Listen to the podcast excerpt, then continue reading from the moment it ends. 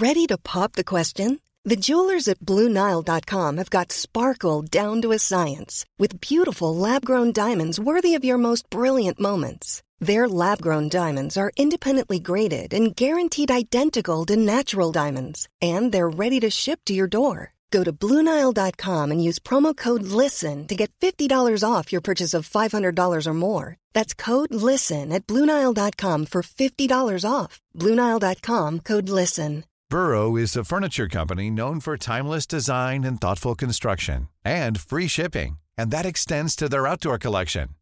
Their outdoor furniture is built to withstand the elements, featuring rust-proof stainless steel hardware, weather-ready teak, and quick-dry foam cushions. For Memorial Day, get 15% off your Burrow purchase at burrow.com slash ACAST and up to 25% off outdoor. That's up to 25% off outdoor furniture at burrow.com slash ACAST. Everyone knows therapy is great for solving problems, but getting therapy has its own problems too, like finding the right therapist, fitting into their schedule, and of course, the cost. Well, BetterHelp can solve those problems. It's totally online and built around your schedule. It's surprisingly affordable too. Connect with a credentialed therapist by phone, video, or online chat, all from the comfort of your home. Visit betterhelp.com to learn more and save 10% on your first month. That's BetterHelp, H E L P. I've drummed it into our players that they are privileged to play for you. Call it, take it quickly, Origi! And Mission Impossible is accomplished. It's seven for Liverpool. Sensational, astonishing, incredible. Du hører på Pausepraten dokumentar fra Liverpool supporterklubb Norge. Den 16. april 1960 ble Rafael Benitez født på et sykehus i Madrid. Han elsket idrett. Han spilte fotball i Madrid-gatene, han digget basketball og håndball og judo og svømming. Han spilte strategispill som sjakk og militærbrettspill, men det var fotball som var favoritten. Han vant sitt første trofé som tolvåring da skolelaget vant skolecupen i Madrid. Foreldrene holdt med hvert sitt Madrid-lag. Mor Rosario med og far Francisco med Atletico. Unge Rafael fulgte i morens fotspor. Hun tok han med på Santiago Bernabeu, og hans lidenskap for Real Madrid kom altså inn med morsmelka. Han må derfor ha hatt en ganske kry mor da han som 13-åring sluttet seg til Real Madrid sitt akademi. Der gikk han gradene og spilte på midtbanen for både Real Madrid C, også kalt Aficionados, og etter hvert Real Madrid B, best kjent som Castilla. Ved siden av fotballen studerte han idrett ved Madrids tekniske universitet. Pengene han tjente på fotballen, brukte han på å betale for utdanningen. Han var begge steder hver dag. På skolen og så på trening. Han løp 45 minutter fra campus til treningsfeltet, og det var jo kjekt, for da trengte han ikke å varme opp før treningsøkta. I 1979 ble han tatt ut til å representere Spanias U19-lag i sommeruniversiaden i Mexico. Universiaden er som olympiske leker for universitetsstudenter i hele verden. Benitez skåret på et straffespark mot Cuba i en kamp som spanjolene vant hele 10-0. Men i en 0-0-kamp mot Canada ble Benitez skadet etter en beintøff takling, som gjorde at han måtte belage seg på et helt år på sidelinjen. Det var en kneskade som satte han ut av spill, og den fortsatte å komme tilbake i årene som fulgte, bl.a. over de fire årene på lån hos AD Parla i tredjedivisjon. Han tjente ikke nok til å livnære seg på fotballen alene, og jobbet ved siden av som gymlærer og på forskjellige treningsstudioer i byen. Det var her han skulle møte en kvinne ved navn Maria Montserrat, som han skulle gifte seg med i 1998. Hun blir bare kalt Montse. Da han var 26 år gammel, fikk han nok av skadeplagene og la opp som fotballspiller. Han reiste med en gang tilbake til Real Madrid og sluttet seg til støtteapparatet. Han fikk kjapt rollen som trener for U19-laget. Det gikk strålende, med ligagull og cuptrofeer, og han fikk også jobbe som assistent til Mariano Garcia Remón på Real Madrid B, altså Castilla. Der fikk han hovedansvaret på starten av 1993-94-sesongen. Laget var i andredivisjon. På våren i 1994 fikk han jobbe under Vicente del Bosque som assistent for førstelaget til Real Madrid, før han var tilbake igjen i Castilla før neste sesong. Så bestemte han seg for å se utenfor de hvite veggene i Madrid. Nord for hovedstaden ligger Valladolid, en by med rundt 320 000 innbyggere, og hovedstad i regionen Castilla og León. Fotballaget deres, Real Valladolid, hadde nettopp rykket ned til andredivisjon, og de kontaktet Benitez i håp om at han kunne hjelpe dem opp igjen. Unge Benitez så det som en strålende mulighet til utvikling som manager på et lavere nivå, og han tok jobben. Han hentet flere spillere fra Real Madrid Castilla, hans unge lag, og han følte at de var klare til å sparke i gang andredivisjon og starte jakten på opprykk. Men 15 dager før ligastart kom kontrabeskjeden. To lag i La Liga ble straffet for brudd på økonomiske retningslinjer og fikk ikke spille i La Liga. Real Valladolid måtte brått belage seg på en sesong i La Liga de ikke var forberedt på. Det gikk som det måtte. 23 kamper inn i sesongen hadde de bare registrert to seire. De lå på bunnen av tabellen, og Benitez fikk sparken.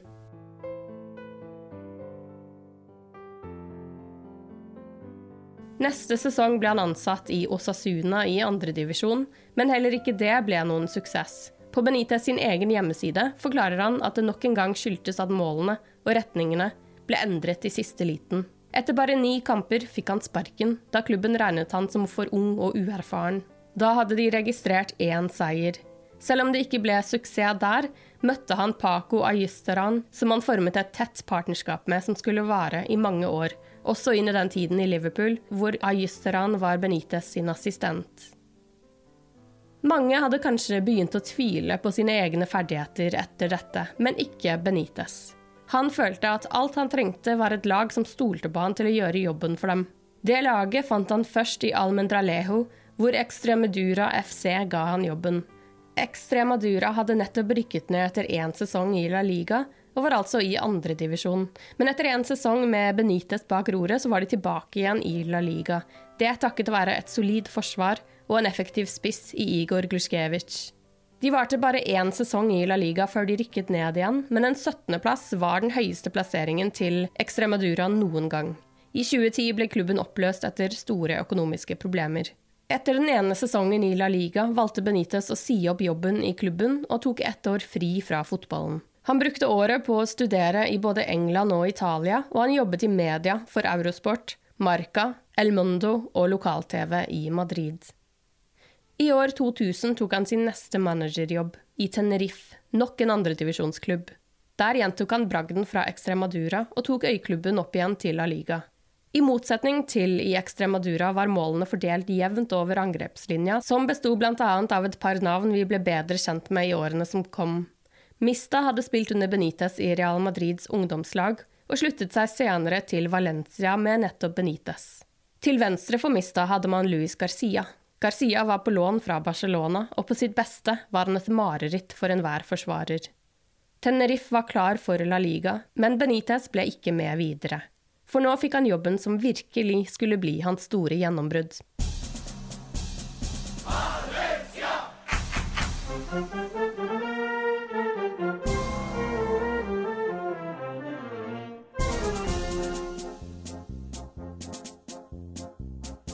Es un equipo de primera, Nostre Valencia, club de fútbol. Valencia hadde tatt seg til Champions League-finalen to år på rad. Både i år 2000 mot Real Madrid og i år 2001 mot Bayern München. Begge førte til tap. Tapet mot Bayern München var ekstra surt da det skjedde på straffespark. Jon Carew var blant Valencias straffetakere, og nordmannen skåret på sitt forsøk men tre av hans lagkamerater bommet. Pellegrino denied by Khan. His third penalty save at the shootout. Hvert lag måtte ta syv straffespark hver for å avgjøre det, og til slutt var det tyskerne som stakk av med seieren. Manager Hector Cooper var en ettertraktet mann og ble hentet til Inter i juni 2001.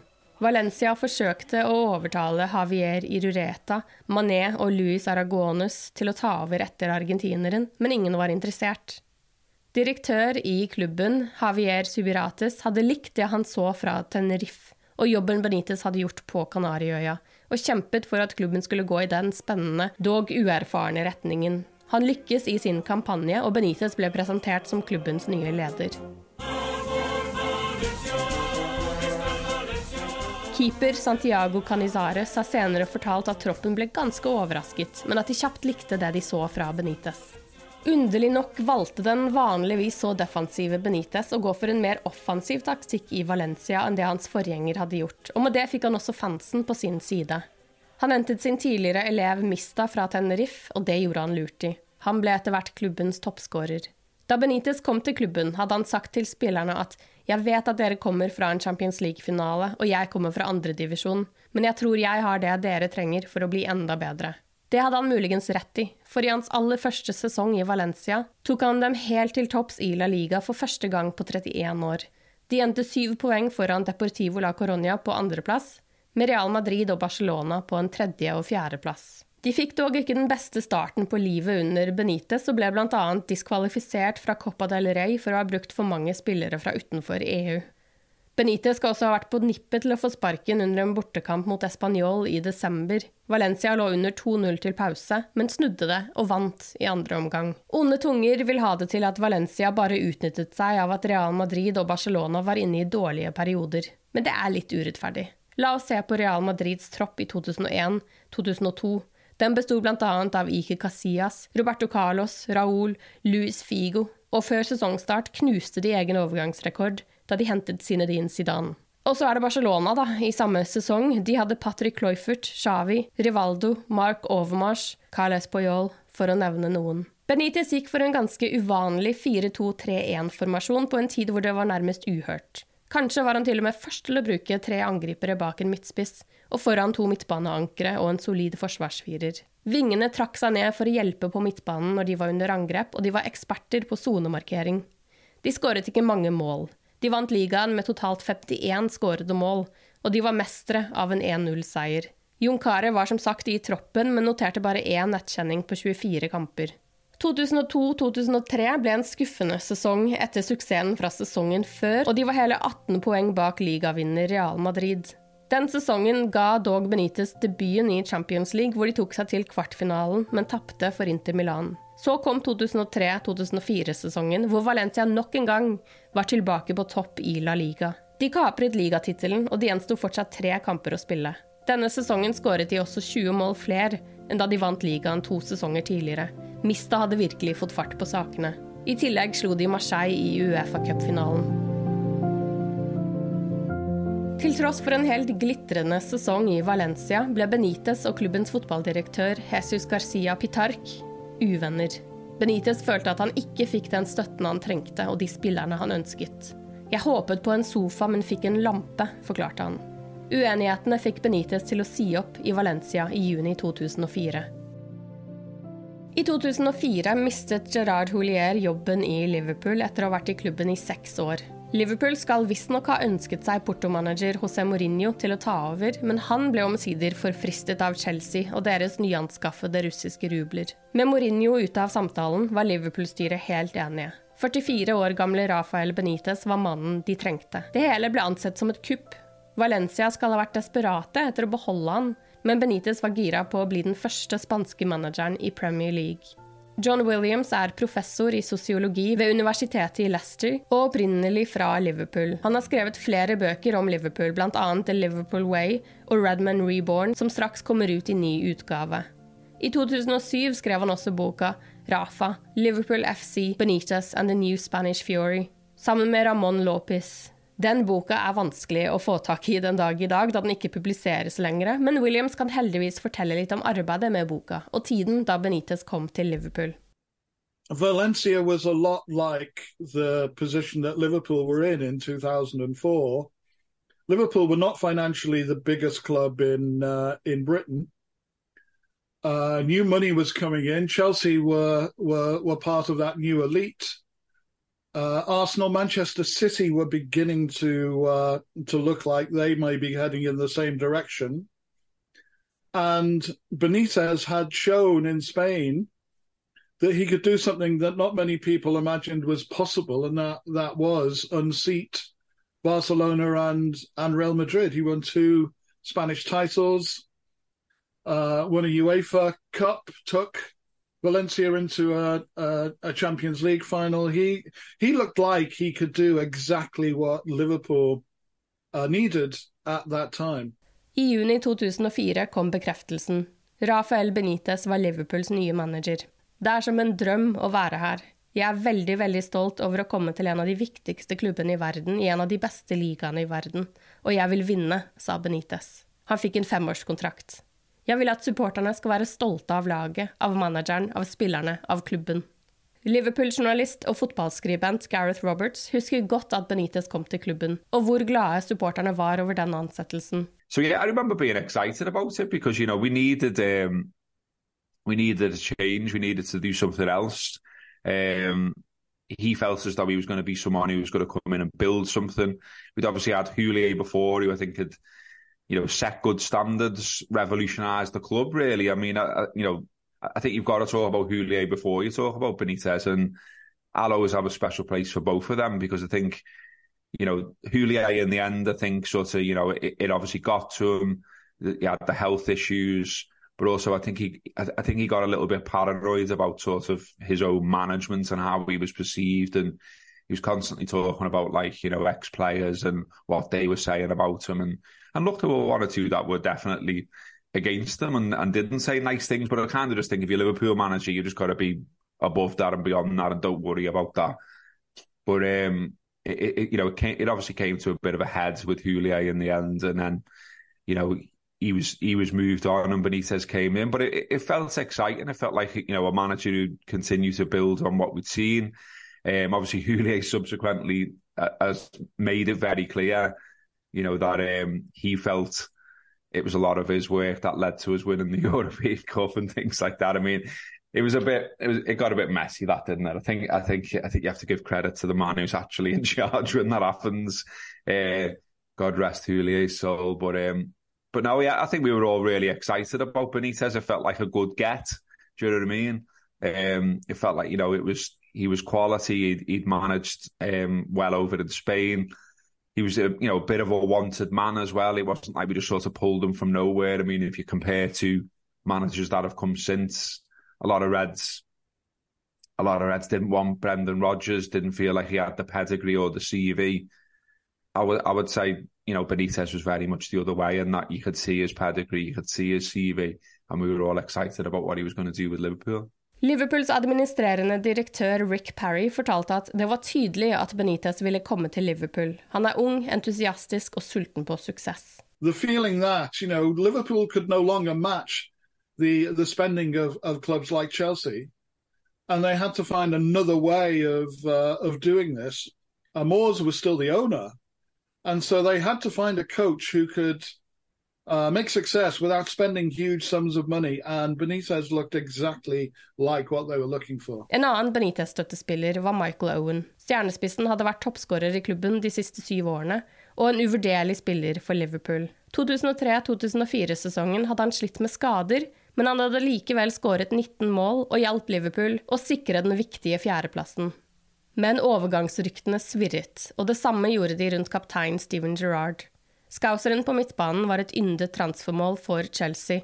Mourinho var stor fan. Benitez fortalte da han ble klar som manager at det er viktig at jeg prater med spillere som Steven Gerrard og Michael Owen, og forteller dem mine ideer. Jeg trenger spillere som dem, med god mentalitet og kvalitet.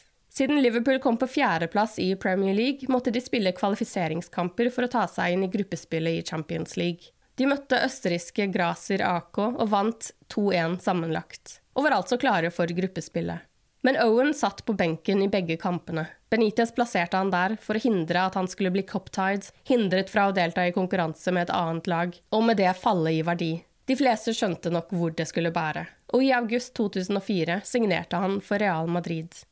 Men Benitez klarte å overtale Gerrard til å bli. I et møte med Gerard Owen og Jamie Carriger tidlig sommeren 2004 hadde scouserne fortalt Benitez at laget trengte mer konkurranse. At noen av spillerne var komfortable enten med å ikke spille, eller at de følte de ikke trengte å spille opp mot sitt beste, for det var ikke mer konkurranse på sine plasser. Den sommeren hentet Benitez bl.a. Chabi Alonso og Luis Garcia, som han kjente fra Tenerife, samt Jibril Cissé, Hosemi og Antonio Nunes. There's another thing that goes on, and almost at the moment he arrives, and that is we we get the first of the of the kind of Stephen Gerrard crises. You know, do I do I stay here or do I go to Chelsea? Uh, which which managed to be to be uh, solved at least briefly, and then Michael Owen left to go to Real Madrid, which you know potentially was a huge loss. It didn't turn out to be a a great loss in the end because Owen had his fitness problems and wasn't a great success uh, at Real Madrid. But that felt like a, a, a, real negative. And then, as you say, Alonso and Garcia uh, arrive. Uh, and I think everyone could see pretty quickly that Alonso was a fantastic talent, great midfielder.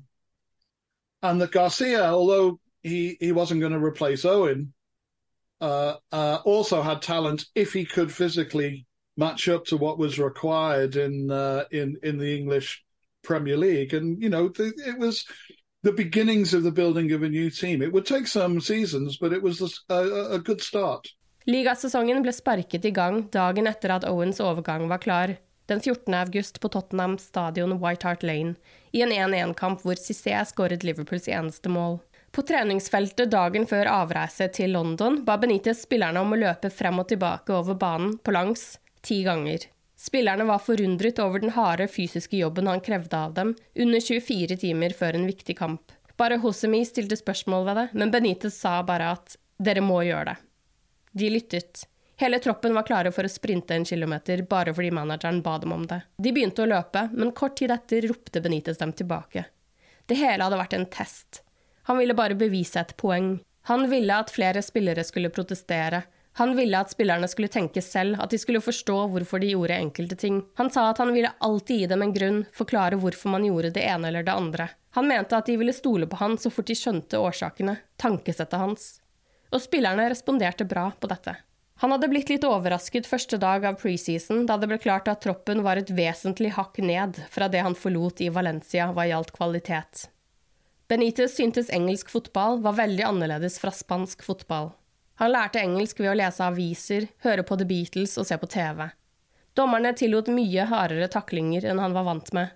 Benkene var annerledes også, de var mye nærmere hverandre. Man kunne høre alle instrukser fra benken til motstanderen, og det betydde at de kunne høre alt som ble sagt på Liverpools benk også. Men ligasesongen 2004-2005 skal vi la ligge, for det ble ingenting å skryte av. Denne sesongen handlet om Europa og om mirakler. There's a couple of things about about the first season. You know, you, we could we could see immediately that it would take time for for Benitez to work out the Premier League. You know, it's a completely different culture, completely different playing style, and so he he he took time to to work that out. He looked much better at managing kind of single event matches in Europe than he did dealing with the slog and difficulty of, of the Premier League. I slutten av august ble gruppene i Champions League trukket. Der ble det klart at Liverpool skulle møte Monaco, Deportivo la Coronia og Olympiakos. Gruppespillet startet på Anfield, hvor Liverpool slo Monaco 2-0. Men så tapte de i Hellas, og spilte uavgjort mot Deportivo la Coronia. Borte mot Deportivo måtte de klare seg uten Gerard og Alonso, som var skadet. Men de klarte å kjempe seg til en seier takket være et tidlig selvmål. Men Liverpool tapte 1-0 i Monaco. Det gjorde at de måtte slå Olympiakos med to mål på Anfield for å gå videre fra gruppen. Det som kom, var det som skulle bli en Anfield-klassiker.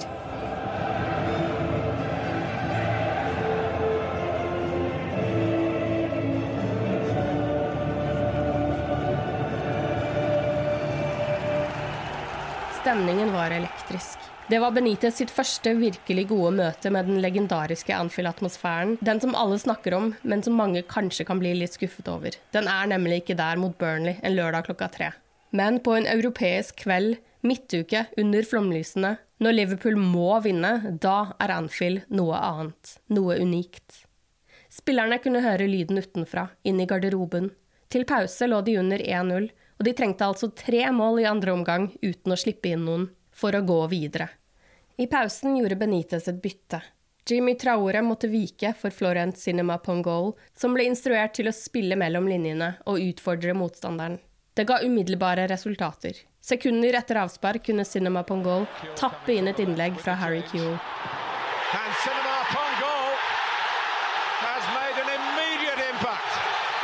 Liverpool fortsatte å presse, men Olympiakos holdt unna. Enn så lenge. Klokken tikket, grekerne ble presset lengre og lengre bakover. Så ble Worrell-gutten Neil Meller byttet inn for Milan Baros. To minutter senere satte han ballen i mål.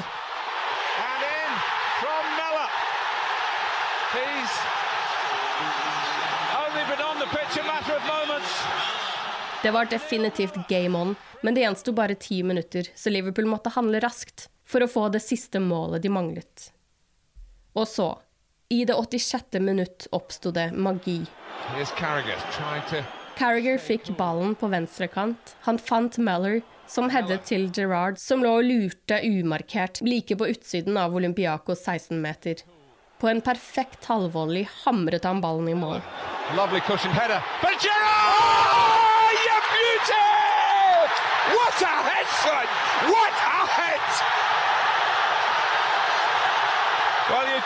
Det er en jævla klisjé, jeg vet, men stadion eksploderte.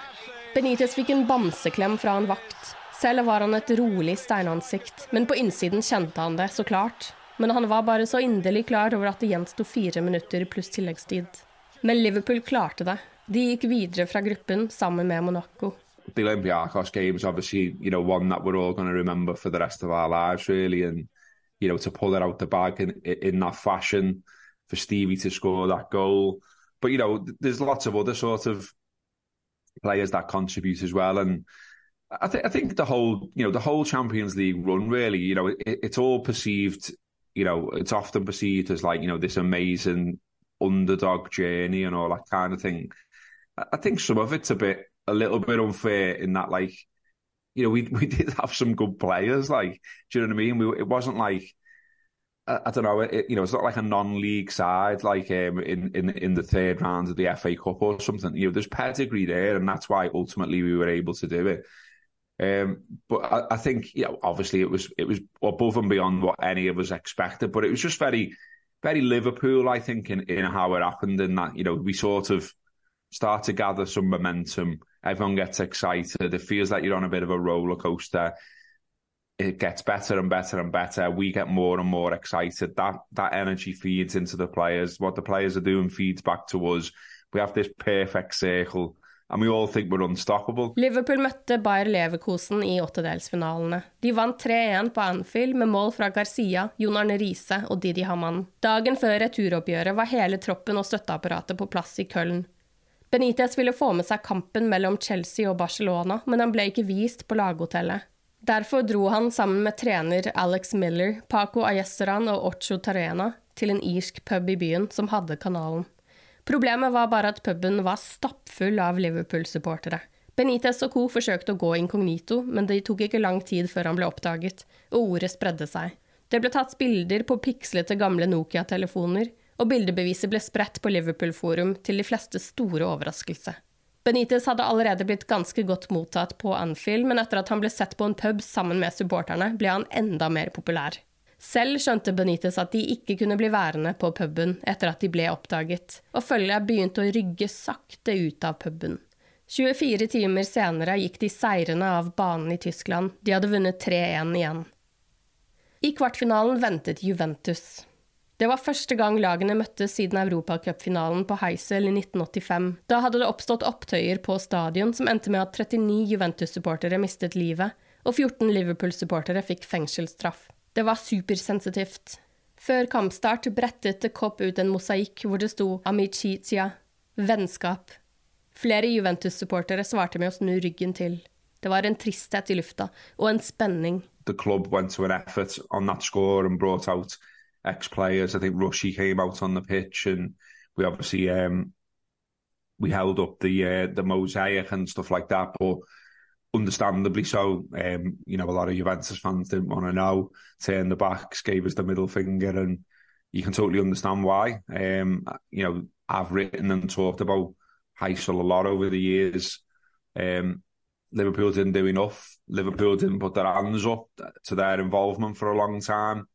And, you know, there's still some people now that like to sort of deflect from it and offer up a million and one reasons why it was nothing to do with Liverpool. I mean, I'd prefer to just be truthful about it because, you know, I think it, it's more respectful to, you know, the families who lost people. And it's a bit of a bugbear of mine actually going off on a tangent that, you know, where the um, where the memorial is now at Anfield because it's not actually accessible um, except on match days. And I think you know, I think it should be, it should have similar prominence to Hillsborough and and should be in a place where you know, we don't know, do we? You know, someone could be coming over from Italy and they might want to see what what Liverpool do to commemorate that situation. And if it's behind a closed gate, I don't think it sends off the right vibes. Like, so, you know, I personally think that's something the club should be looking at. På banen møtte de et Juventus-lag som i forrige runde hadde danket ut Real Madrid. I laget fant man bl.a.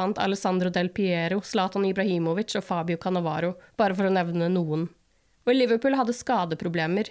Alonso hadde slitt med skader og var ikke klar for noe mer enn benken. Haman var ikke involvert i det hele tatt. Reservekeeper Scott Carson, bare 19 år gammel, måtte steppe inn da Jerzy Dudek var skadet. I think a lot of us thought, you know, this is going to be a difficult one. If you if you look at the you know the lineup was just unbelievable in terms of the stars that they had packed full of like world stars, and then we had Scott Carson in goal. Um, you know, no no disrespect to Scott and all that, but you know, and players like I mentioned before, Latalik and Biscan in there, Barros up front, Traore. You know, you wonder how they did it, really. Det var kanskje en rar atmosfære på starten av kampen, men ti minutter inn i kampen tok Liverpool ledelsen med en Sami Hyppie-heading, og da steg volumet betraktelig blant hjemmepublikummet.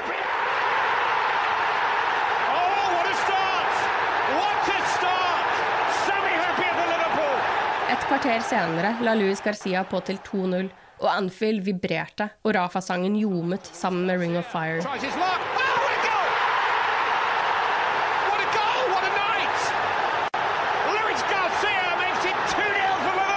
Benitez selv sto helt uberørt på sidelinjen. Det var jo så lenge igjen, han måtte holde fokus. Etter 63 minutter reduserte Juventus. De fikk et viktig bortemål, og plutselig ble returoppgjøret langt mer spennende. Skadeproblemene fortsatte i returoppgjøret. Denne gangen var det Gerrard som var ute med en lårskade. Men nå var Alonso endelig klar fra start. Men alt måtte legges til rette for en smooth retur for spanjolen. Benitez gikk for tre midtstoppere i Carriger, Hypie og Traore, og Steve Finnan og Jon Arne Riise på høyre og venstre back. I midten spilte Alonso dypt, med Igor Biscan og Antonio Nunes ved siden av seg. De skulle ta seg av løpingen, som Alonso ikke var klar for ennå. Alonso skulle få ballen, og han skulle fòre Milan Baros alene på spissplass med pasninger. Benitez var også lur. Han ba laget om å stille opp og spille de første to minuttene i en 4-2-3-1-formasjon som antageligvis var det Fabio Capello og co. hadde forventet og forberedt seg på. Men så skulle de overraske ved å naturlig og rolig, nesten usynlig, endre til 3-5-1-1. Juventus forsøkte og forsøkte å komme seg gjennom Liverpool sentralt i banen, men de klarte det ikke. Det var stort sett komfortabelt for de røde, utenom da Cannavaro traff tverrliggeren og Traore reddet på streken da det gjensto ti minutter. Go out there and, and just keep a nil-nil. Um, it, and that was, you know, that was obviously Moody going out there for the first time and all the history and the fact that they're a big club, the fact that it's such a, a, you know a small margin that we took out there to go out and just lock them out, and and to do it to an Italian side as well, who was sort of you know known for that. Do you know what I mean? That's their their their culture is you know being tough at the back and keeping goals out and being hard to score against and all of those things. For Liverpool to go out there and do that and protect that two one from the first like you know, was amazing. Really, you know, in the in, in the quarter final of the European Cup, at the stage we were at, if you like, in terms of Rafa's development of the side. Absolutely brilliant. Så var kampen over. Liverpool var ett av fire lag fortsatt igjen i konkurransen, og i semifinalen ventet Chelsea. Liverpool og Chelsea hadde allerede møttes tre ganger den sesongen. To ganger i ligaen hadde det endt med 1-0-tap for de røde. I kampen på Anfield hadde en Frank Lampard-takling brukket ankelen til Alonso. Lagene møttes i finalen av ligacupen, der Chelsea vant 3-2 etter ekstraomganger. Det lovet ikke akkurat godt for Benitez og hans menn for det som skulle bli starten på et rivaleri med Chelsea og mellom Benitez og Mourinho, som opp til det punktet hadde et helt OK forhold. London-laget var sterkt, Mourinho hadde mange strenger å spille på. For Liverpool måtte alt være perfekt, alt måtte klaffe for at de skulle vinne oppgjøret. Benitez satt forsvarslinja som i Torino, ikke for høyt og ikke for lavt. Hadde de lagt seg for nært egen 16-meter, var han sikker på at Chelsea ville skåre. De terpet på offside-fella, og i tillegg til stonemarkering måtte de markere John Terry på frispark. De var klare på at den første kampen på Stamford Bridge handlet om å komme helskinnet hjem. Det gjorde de til en viss grad. Det endte 0-0, et veldig godt utgangspunkt for returoppgjøret på Anfield, men det var en strek i regningen. Alonso fikk et gult kort i sluttminuttene for en takling på Eidur Gudjonsen, og han ville gå glipp av kampen på Anfield. De aller fleste hadde nok forventet at Chelsea endelig skulle stoppe Liverpool fra å nå finalen i Istanbul, at de blå skulle gjøre som i ligaen, vinne på Anfield. Men Anfield er Anfield, og som Benitez allerede hadde opplevd mot Olympiakos, under flomlyset så kan Anfield utføre de mest utrolige ting, ren trolldom. Semifinalen mot Chelsea regnes som en av de aller, aller beste kveldene på Anfield hva atmosfære gjelder, noen gang. Det hadde gått 20 år siden forrige gang de var i en finale i Europacupen. 21 år siden forrige gang de hadde vunnet en finale. På tribunen sto de som hadde opplevd det før, og de som bare hadde hørt historier om en fordums tid hvor de røde herjet på det aller øverste nivået i europeisk fotball, hvor de var best. Nå var det bare et nyrikt London-lag, nettopp kronet ligamestere, som sto i veien for nok en finale. Det var så anspent. Spenningen lå så tjukt i lufta at man nesten kunne holde den i hånda, at man nesten måtte dra den til side for å komme gjennom telleapparatene. Benitez merket at spillerne var litt nervøse. Da handler det om å forsikre dem om at de vet hva de driver med, forsikre dem om at de er godt forberedt, og å holde seg til rutinene. Benitez selv skriver i boka si at han ikke blir nervøs, han er altfor fokusert til å bli nervøs. Vi har ingenting å tape i kveld. Chelsea er favoritter. Alle snakker om Chelsea, kunne han si til spillerne før avspark. You know, paper, you know, you, you don't expect Liverpool to win, but you know, the atmosphere was absolutely brilliant. One of the best I've ever been involved in. Um, as a Liverpool fan going the match for 30 odd years. Spillerne gikk ut til en mur. En mur av lyd, spetakkel, klapping, synging, rop.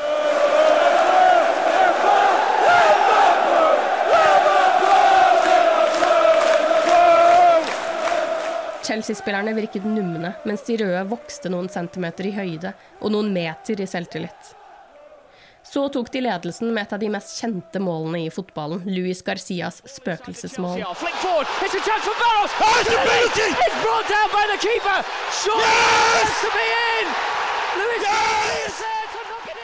Nyere teknologi antyder at hele ballen ikke var over mållinja. Det er det ikke mange Liverpool-supportere som bryr seg om, men det er et mål Mourinho har snakket om i lang, lang tid. Men hadde ikke målet blitt godkjent, så hadde Liverpool fått et straffespark og Peter Check blitt utvist for å felle Milan Baros. I stedet godkjente altså dommer Liverpool-målet. 1-0. Alt dette skjedde fire minutter inn i kampen. Så klart Benitez ikke jublet. Det gjensto jo vanvittige 86 minutter av nervepirrende spenning. The atmosphere in the stadium for the second leg was like no other atmosphere I've ever experienced at Liverpool. It was hysterical. Garcia scores the famous ghost goal to put Liverpool one goal up and therefore on, on the way to the final. And then for the rest of the match, as I remember it, the whole crowd just continues to howl. It's, it, it is complete hysteria in the stadium. Anfield gynget i glede, men jeg nekter å tro at ikke samtlige til stede den kvelden kunne spy av nervøsitet. Chelsea hadde ingenting å tape og kunne hive alt mot Liverpool, men de røde kom seg gjennom første omgang uten stor fare. Presset fortsatte i andre omgang, de blå kom nærmere og nærmere. Chelsea kunne ha vært mer aggressive, men det var de ikke. Likevel kom de himla nære, altfor nære. Da det gjensto seks minutter, havnet ballen hos Gudjonsen, og da sto tiden stille. Islendingen skjøt, og det hele gikk i sakte film. Anfield frøs. Jamie Carriger og Jerzy Dudek måtte se seg slått av ballen som føyk forbi, mot mål, og sniddet forbi stolpen, like utenfor mål. Chelsea-spillerne sank sammen, mens Anfield kunne puste ut og juble. Uansett hvor mange ganger man ser det skuddet i reprise, så blir det aldri behagelig. I think we all just sort of took this big intake of breath, paused. It seemed to be in like slow motion. And then once it was out, it was out, and we all breathed again. Only dreams eight months ago, and now reality for Liverpool Football Club. They've taken on the best in Europe head on and booked their place in the Champions League final. It's Istanbul on May the 25th, 2005. The emotions around this ground are almost too much to take. This Anfield crowd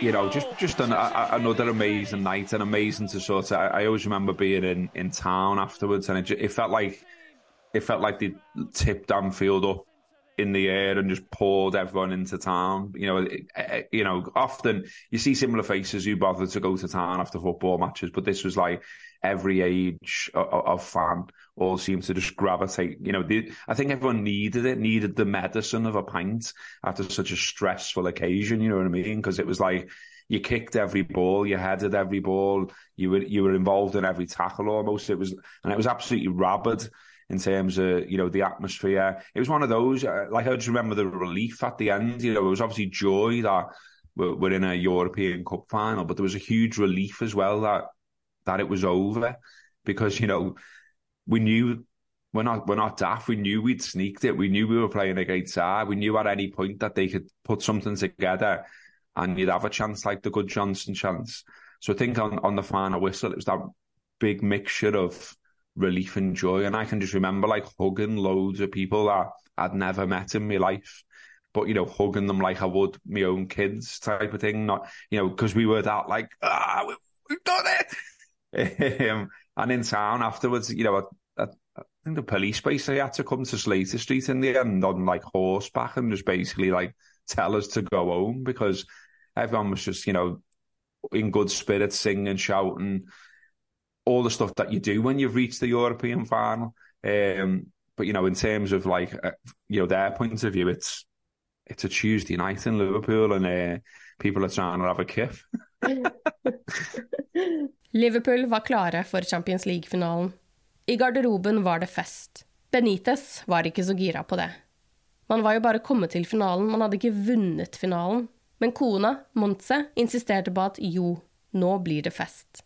Spillerne og støtteapparatet og konene reiste til baren Pan Am på Albert Dock, hvor de festet til tidlig morgen.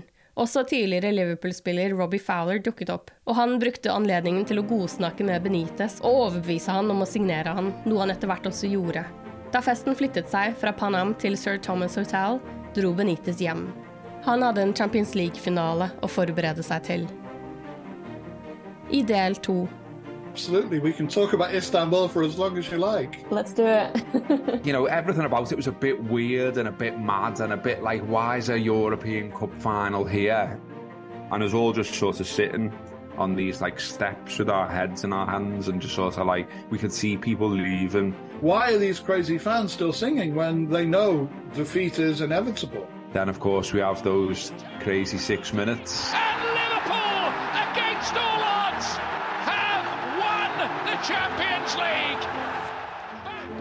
Du hører på pausepraten dokumentar fra Liverpool supporterklubb Norge.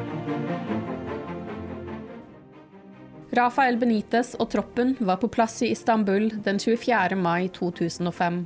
Det var dagen før kampen, og den spanske manageren hadde vært ute og spist middag med deler av støtteapparatet. De kom tilbake til hotellet, plinget på heisen og ventet. Det var fire forskjellige heiser foran dem. Hvis den kommer først, taper vi, sa han og pekte på den ene heisen. Men hvis den kommer først, vinner vi, sa han og pekte på den andre heisen. Hvis den kommer først, blir det uavgjort og vi taper på straffer, men hvis den kommer først, så blir det uavgjort og vi vinner på straffer. Pling! Heisen kom. Liverpool skulle vinne på straffer.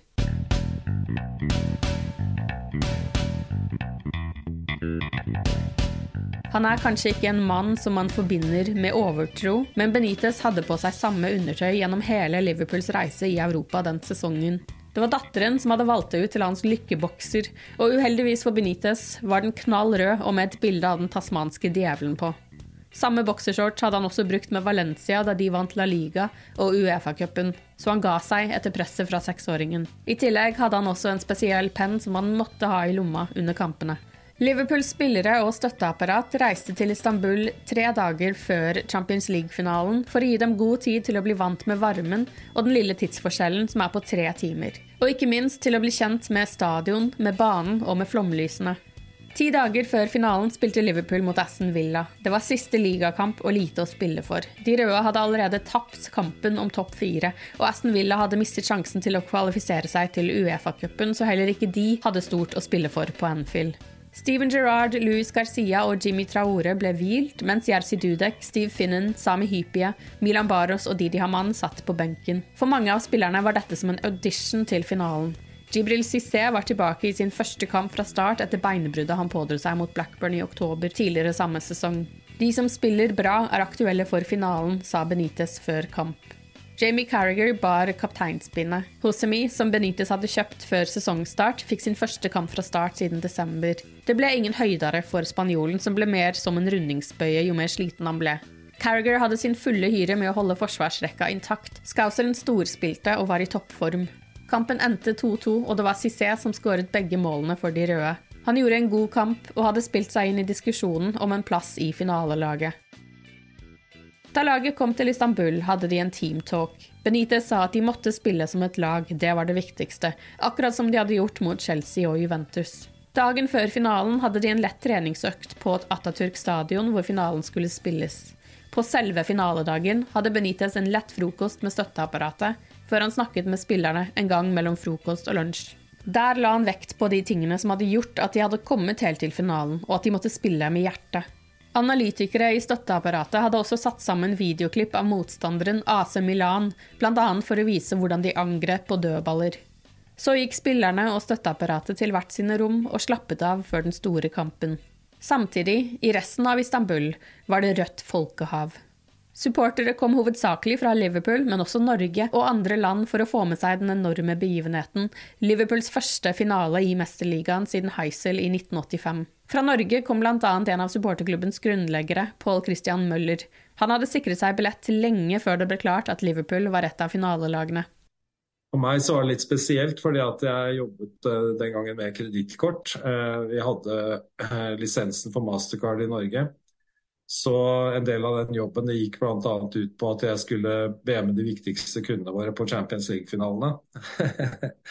så jeg var på det i 2002, og 2003 og 2004.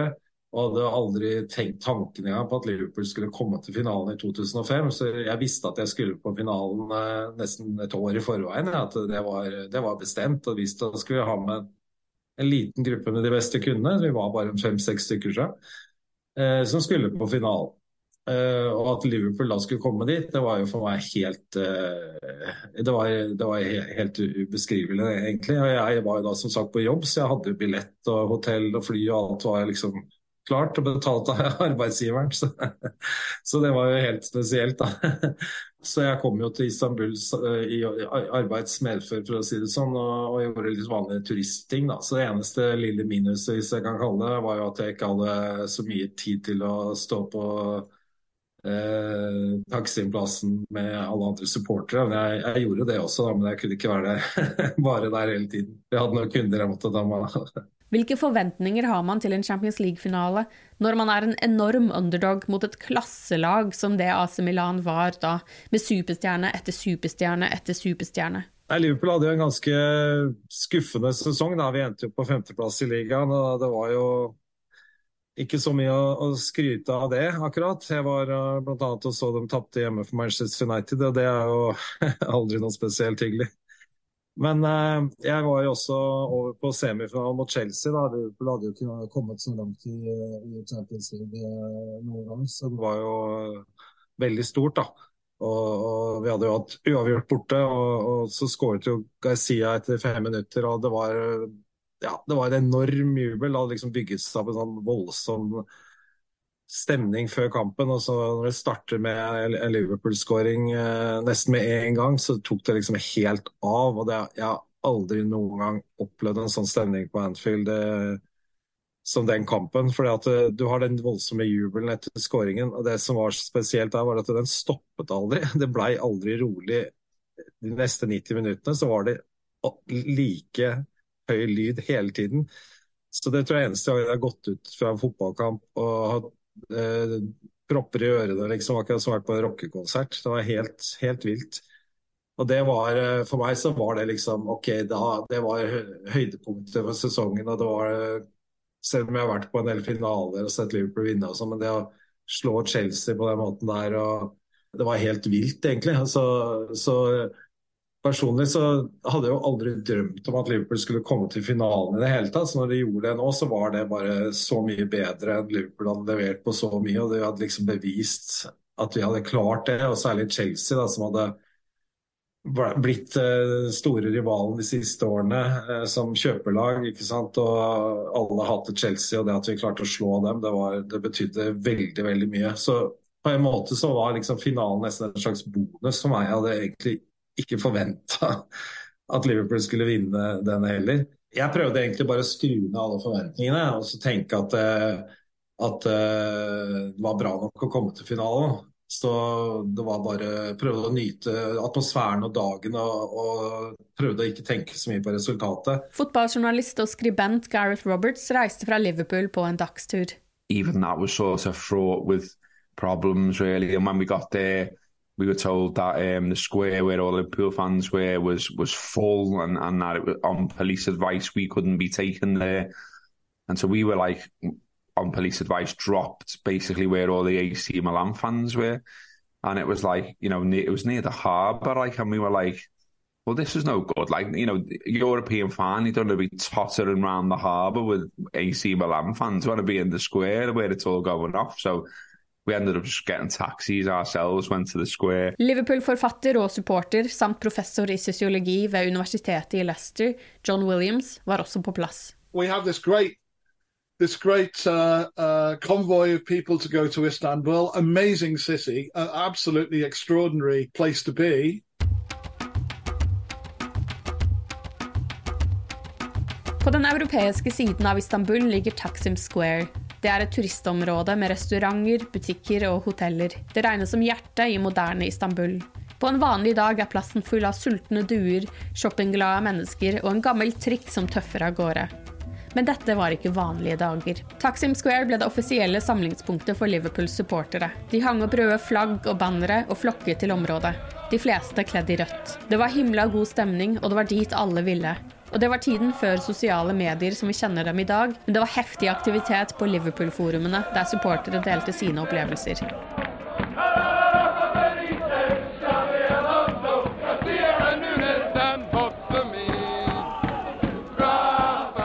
Problemet med Taksim Square var at plassen lå langt unna Atatürk stadion, finalestadion. Da Benitez og laget satte seg på bussen klokka fem for å reise mot stadion, merket de seg hvor heftig trafikken var, og ikke minst hvor stor avstanden var. Det er en kjent historie. Supportere valfartet til stadion. Mange sto bom fast i trafikken og ble sluppet av mange kilometer unna stadion. And then, just a wild location for the stadium. The stadium was quite new. and it was literally in the middle of nowhere. It was about 40 kilometers outside of, of the center of, of Istanbul. You were literally walking through fields to, uh, to get to the stadium. It was completely mad. Atatürk stadion var splitter ny. Den sto ferdig i 2002, altså bare tre år tidligere, og ble bygget for å være en del av Tyrkias søknad om vertskap for OL i 2008, som omsider gikk til Beijing. Problemet var bare at det var absolutt ingenting rundt stadion. Det var ødemark. Det finnes så mange bilder av rødkledde fans som vandrer over et Mars-lignende landskap på vei mot flomlysene.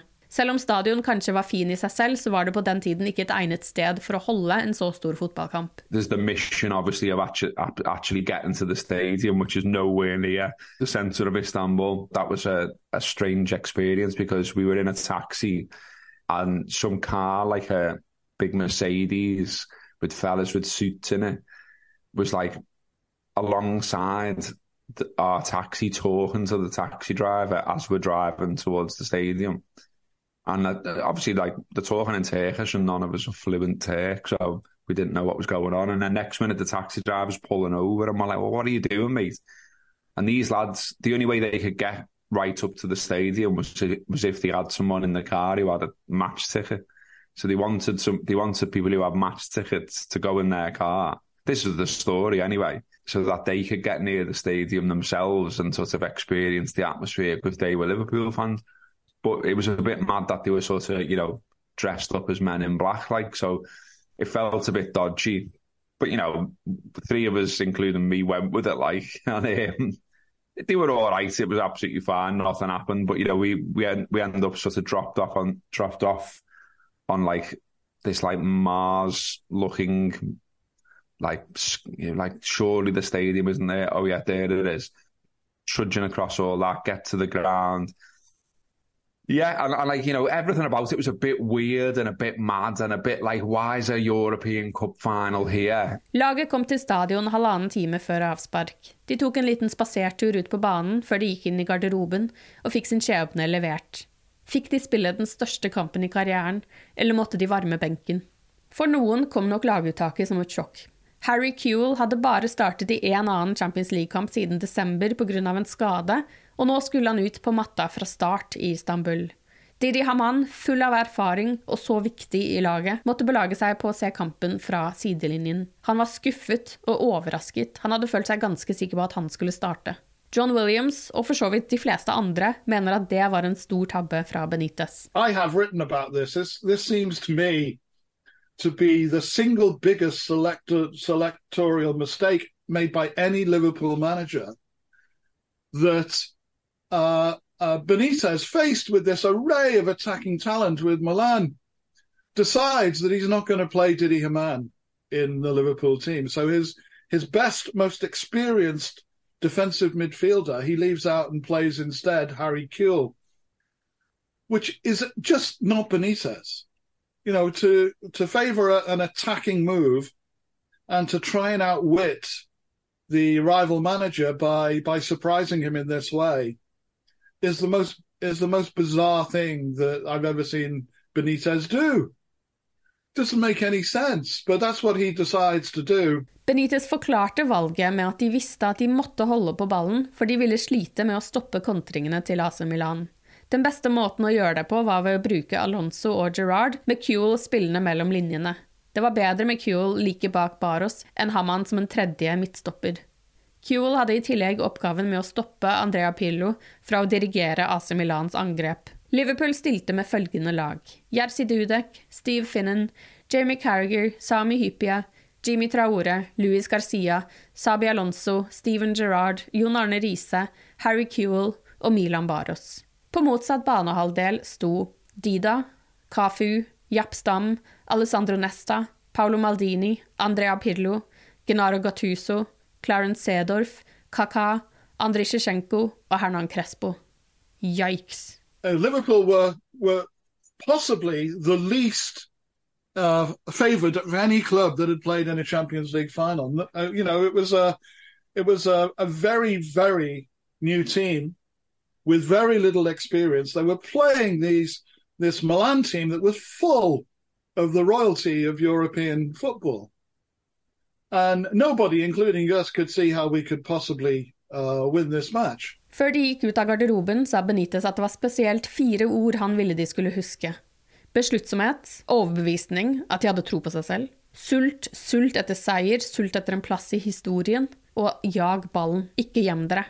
Han ville også at den første pasningen skulle være lang, og at de skulle lete etter løpene til Baros. Han ville at de skulle vise angrepslyst, at de gikk offensivt ut. Spillerne gikk ut på banen til hysterisk jubel, og det ble kjapt klart at Liverpool var i et fenomenalt overtall mot de imponerende koreograferte AC Milan-supporterne. Så tok kapteinene hverandre i hånden, Paolo Maldini og Steven Gerrard. Så vant Liverpool myntkastet. Så blåste dommeren i gang kampen. Så skåret AC Milan.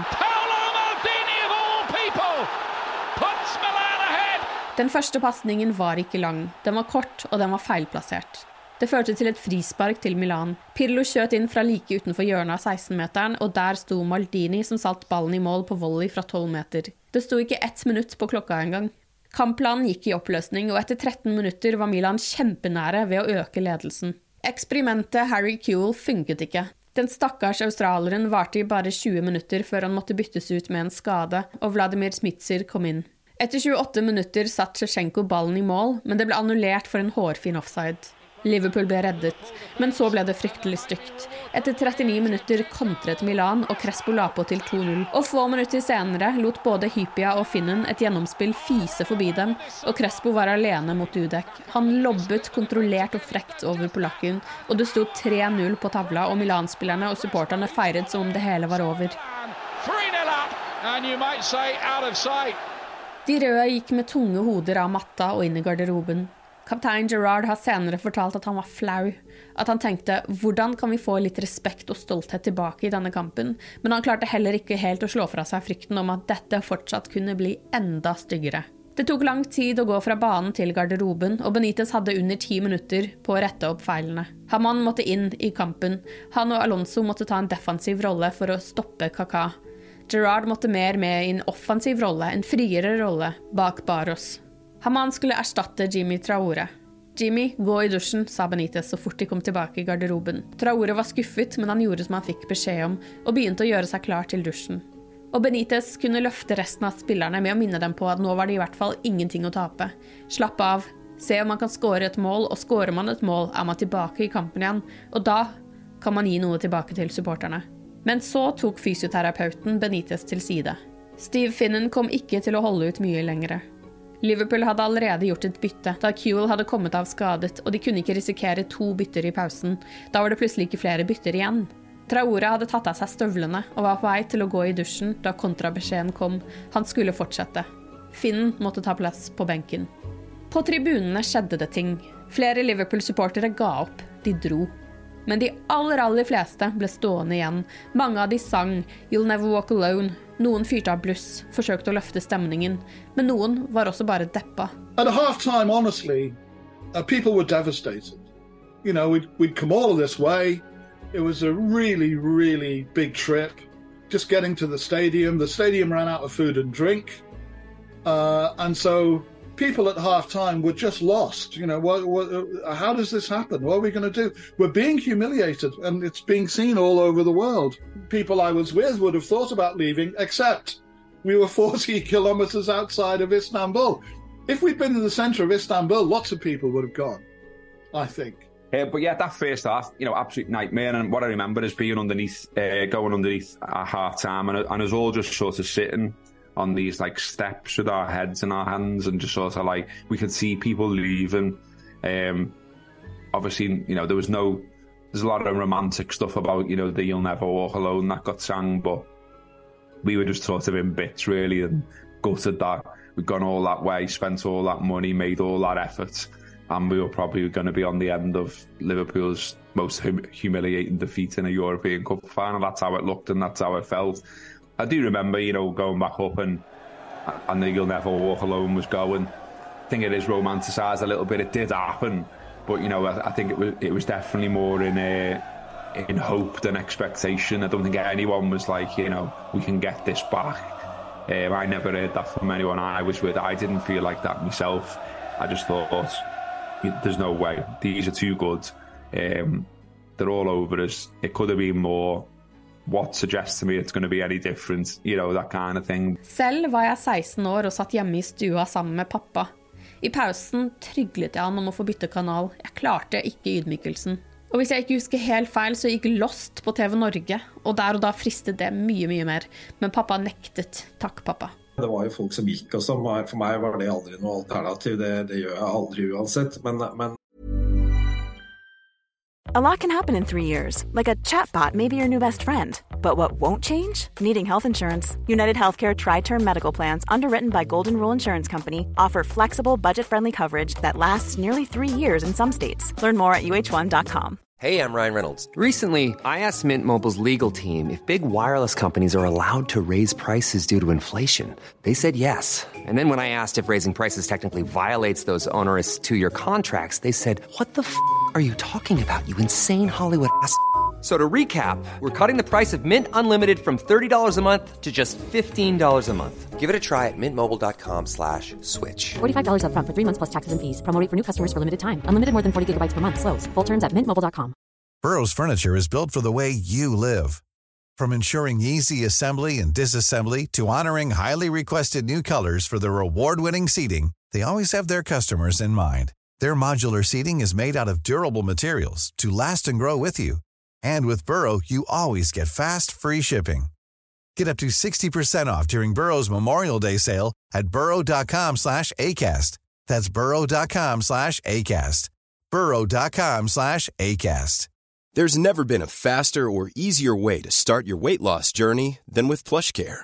PlushCare accepts most insurance plans and gives you online access to board-certified physicians who can prescribe FDA-approved weight loss medications like Wigovi and Zepbound for those who qualify.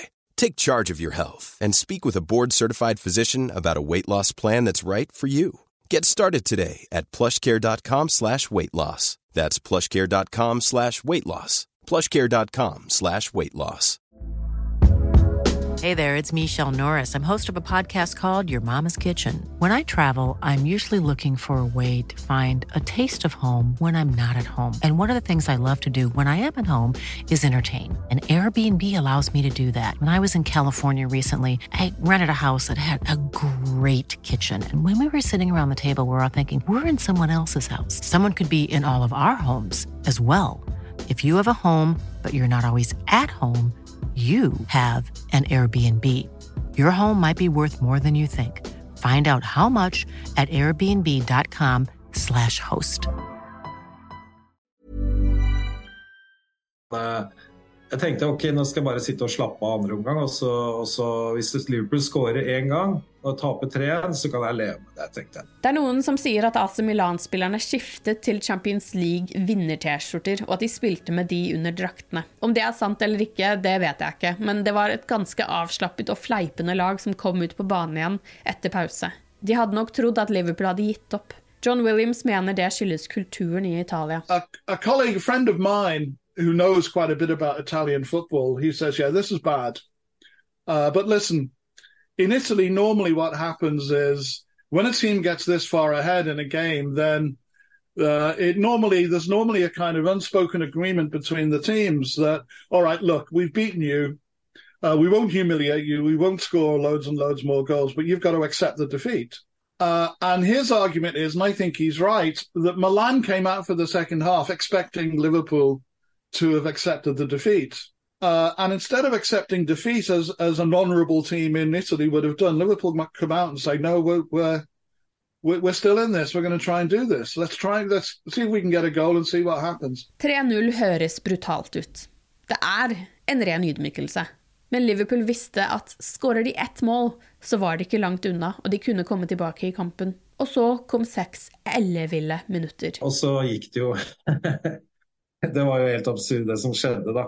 Eh, det var helt sånn eh, ut av deg sjæl-opplevelse, egentlig. Det, du følte på en måte at du satt og, og så på en, eh, en, en, lese, ja, en sånn tegneseriefilm, liksom. At alt bare var eventyr. Kampen var 53 minutter gammel da Riise la inn fra venstrekant. Innlegget hans fant Gerrard som raget høyest i lufta og headet ballen i mål bak Dida. Gerrard with the header, 3-1.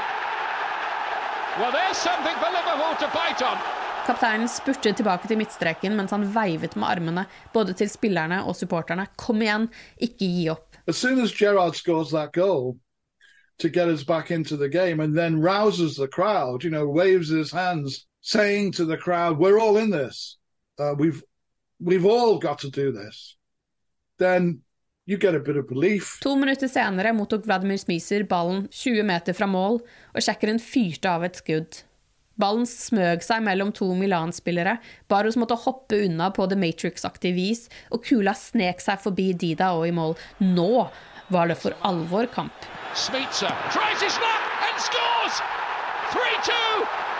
What do you know about this? Smiser løp tilbake til sin egen halvdel med armene i været, munnen åpen. Nå kunne alt skje. Another goal happens really quickly, and then you can almost visibly see that Milan players are panicking. These great stars who've seen everything haven't seen anything like this. Liverpool-supportere hadde aldri sluttet å synge, men det var naturligvis lenge Milan-supporterne man hørte best.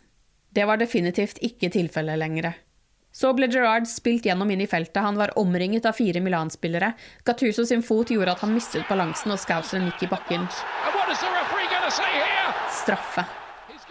Jeg satt altså hjemme i stua med pappa, men da straffesparket ble dømt, så løp jeg inn på badet, kvalm av nerver, ikke søren at jeg skulle se det straffesparket. Jeg måtte bare tolke lydene i stua. Og det var litt vanskelig å skjønne lydene, for Alonso gikk opp til ballen. Det var hans første straffespark på profesjonelt nivå, men før kampstart hadde Benitez fortalt han at han måtte til pers hvis Liverpool fikk straffe. Og Alonso, den trygge spanjolen, bommet. Eller de da reddet. Men Alonso var der, på returen, og hamret ballen i taket på målet.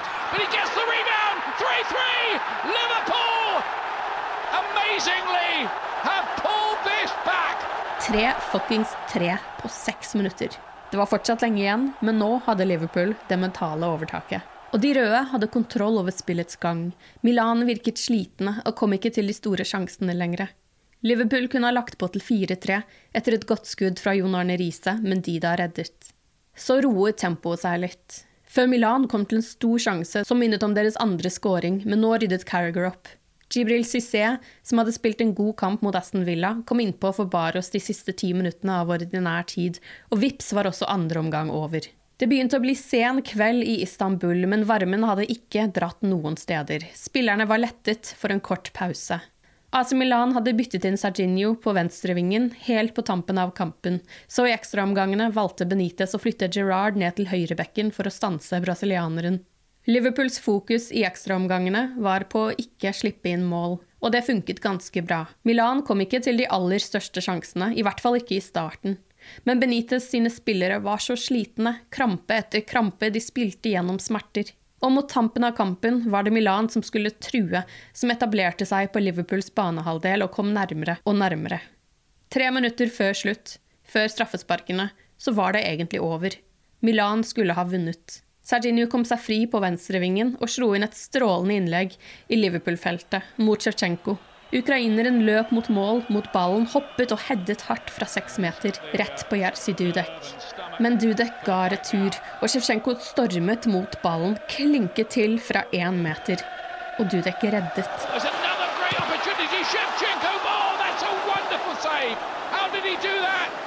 Ballen gikk i polakken og over mål.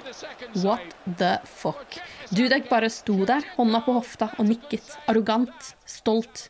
Men Sjevtsjenko fortvilte og helt sikkert til den dag i dag ikke forstår hva som skjedde. Dudek reddet Liverpool, tvang kampen til straffespark.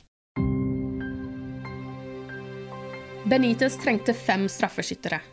Han hadde skamslitne spillere å velge mellom, svetten dryppet, beina skalv. Han valgte fem spillere i følgende rekkefølge. Haman, Cissé, Riise, Smitzer, Gerrard. Hvis det ikke var avgjort innen da, hadde han Alonso, Garcia og Carriager på venteliste.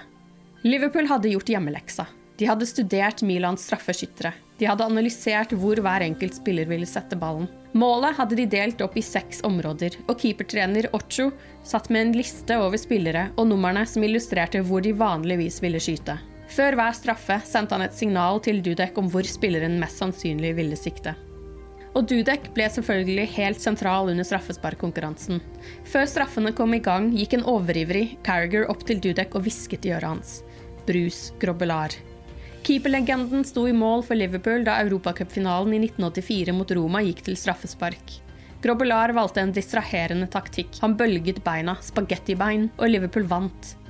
Vær like distraherende, rådet Carriager. Straffene ble tatt mot Milan-svingen. By then, you know, the mindset had totally changed, hadn't it? You'd gone from utter despair at half time to, you know, those three goals in in the six minutes. You know, all of a sudden then, but, but you know, like Liverpool completely ran out of energy, as we know, don't we? And you know, obviously, you know, the, the iconic like Carragher with cramp and all the rest of it, and and just that save that Dudek could probably never explain to this day, and neither can anyone else. And it, it, did feel by the time we got to the shootout that it was sort of fated that, you know, like, surely we can't come this far, do all that and not win it. Serginho tok første straffe for Milan.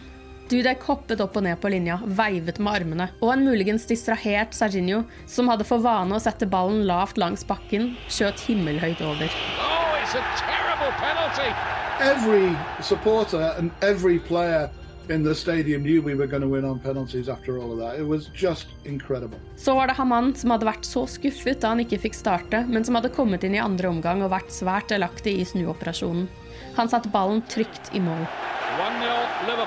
Pirlo sin tur. Sone 6 gestikulerte Ocho mot Dudek. Og som spådd, Dudek reddet. Oh, Så var det Cissé han hadde tryglet om å få ta en straffe etter skademarerittet han hadde gått gjennom den sesongen.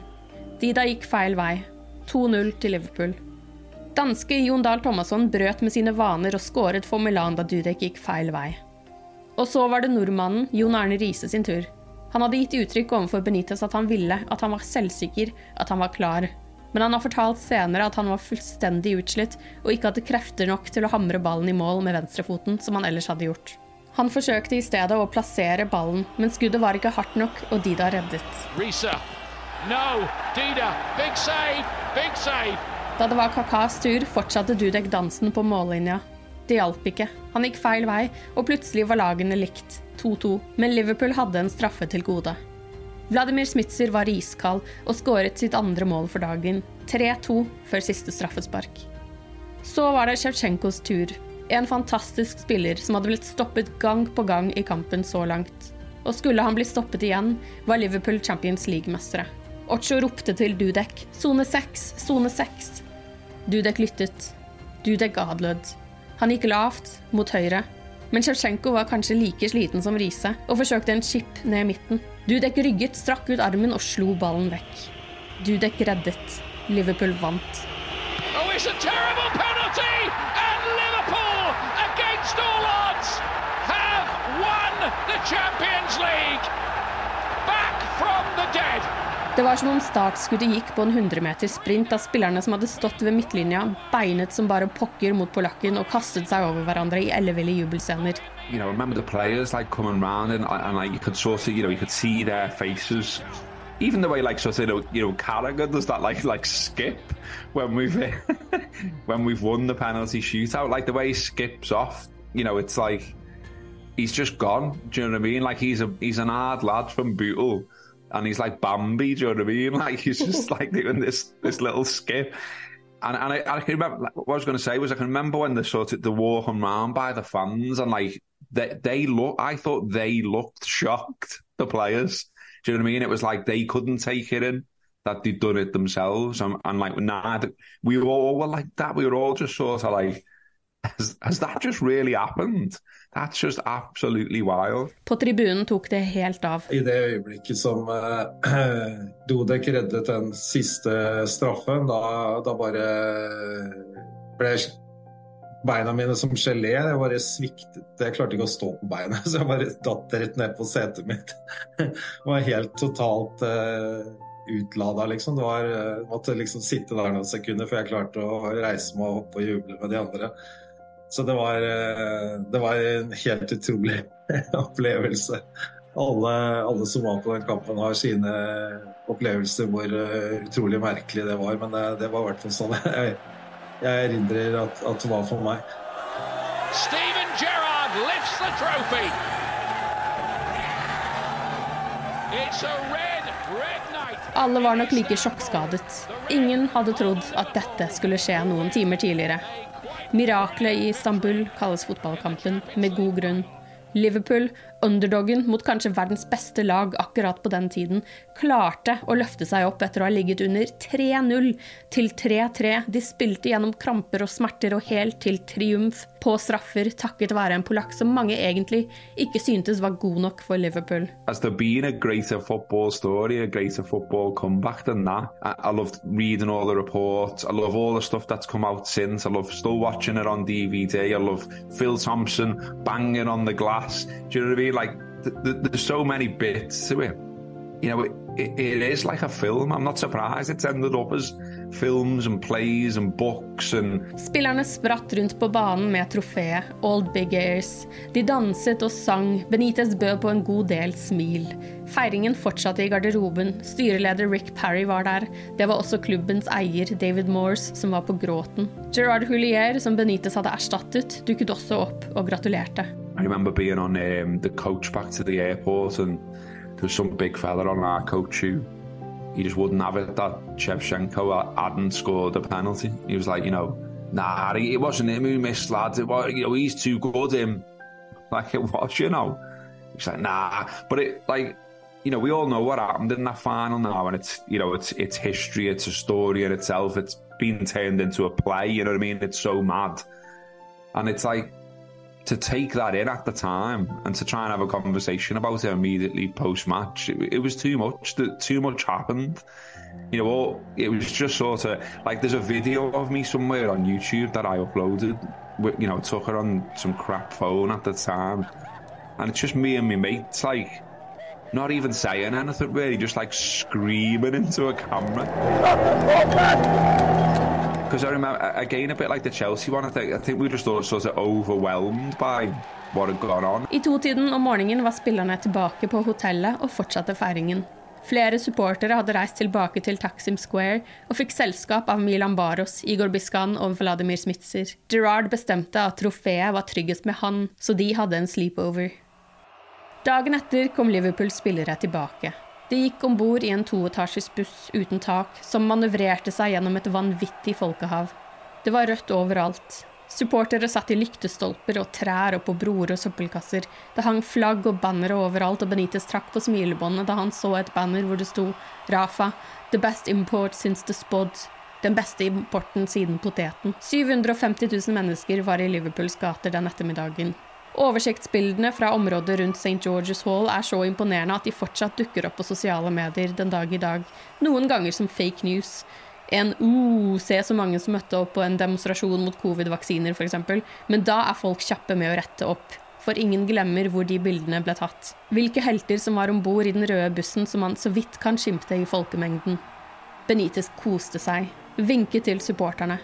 Men han hadde allerede begynt å tenke på neste sesong i del tre. I 2007 fikk Liverpool fotballklubb nye eiere. Da spurte han liksom, ja, hvordan går det med, med amerikanerne som er i klubben. Og så bare så på meg og fnøys, og så sa han at They don't know anything about football. Det ble en kamp mot to cowboyer og deres brutte løfter.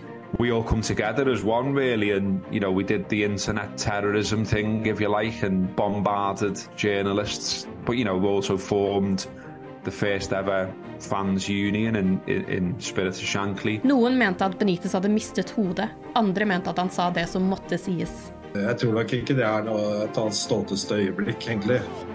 Du hører på pausepraten dokumentar fra Liverpool supporterklubb Norge. Liverpool hadde vunnet Champions League-finalen på utrolig vis. Så utrolig at det fortsatt, den dag i dag, over 18 år senere, fortsatt snakkes om til stadighet. Dagen etter finaleseieren hadde laget reist på parade gjennom Liverpool by, hvor de ble tatt imot av 750 000 supportere i en blanding av sjokk og eufori. Rafael Benitez hadde med seg kona og barna og nøt hvert minutt. Nøt alle flaggene og et banner som proklamerte at han var den beste importen siden poteten. Men han hadde allerede begynt å planlegge neste sesong.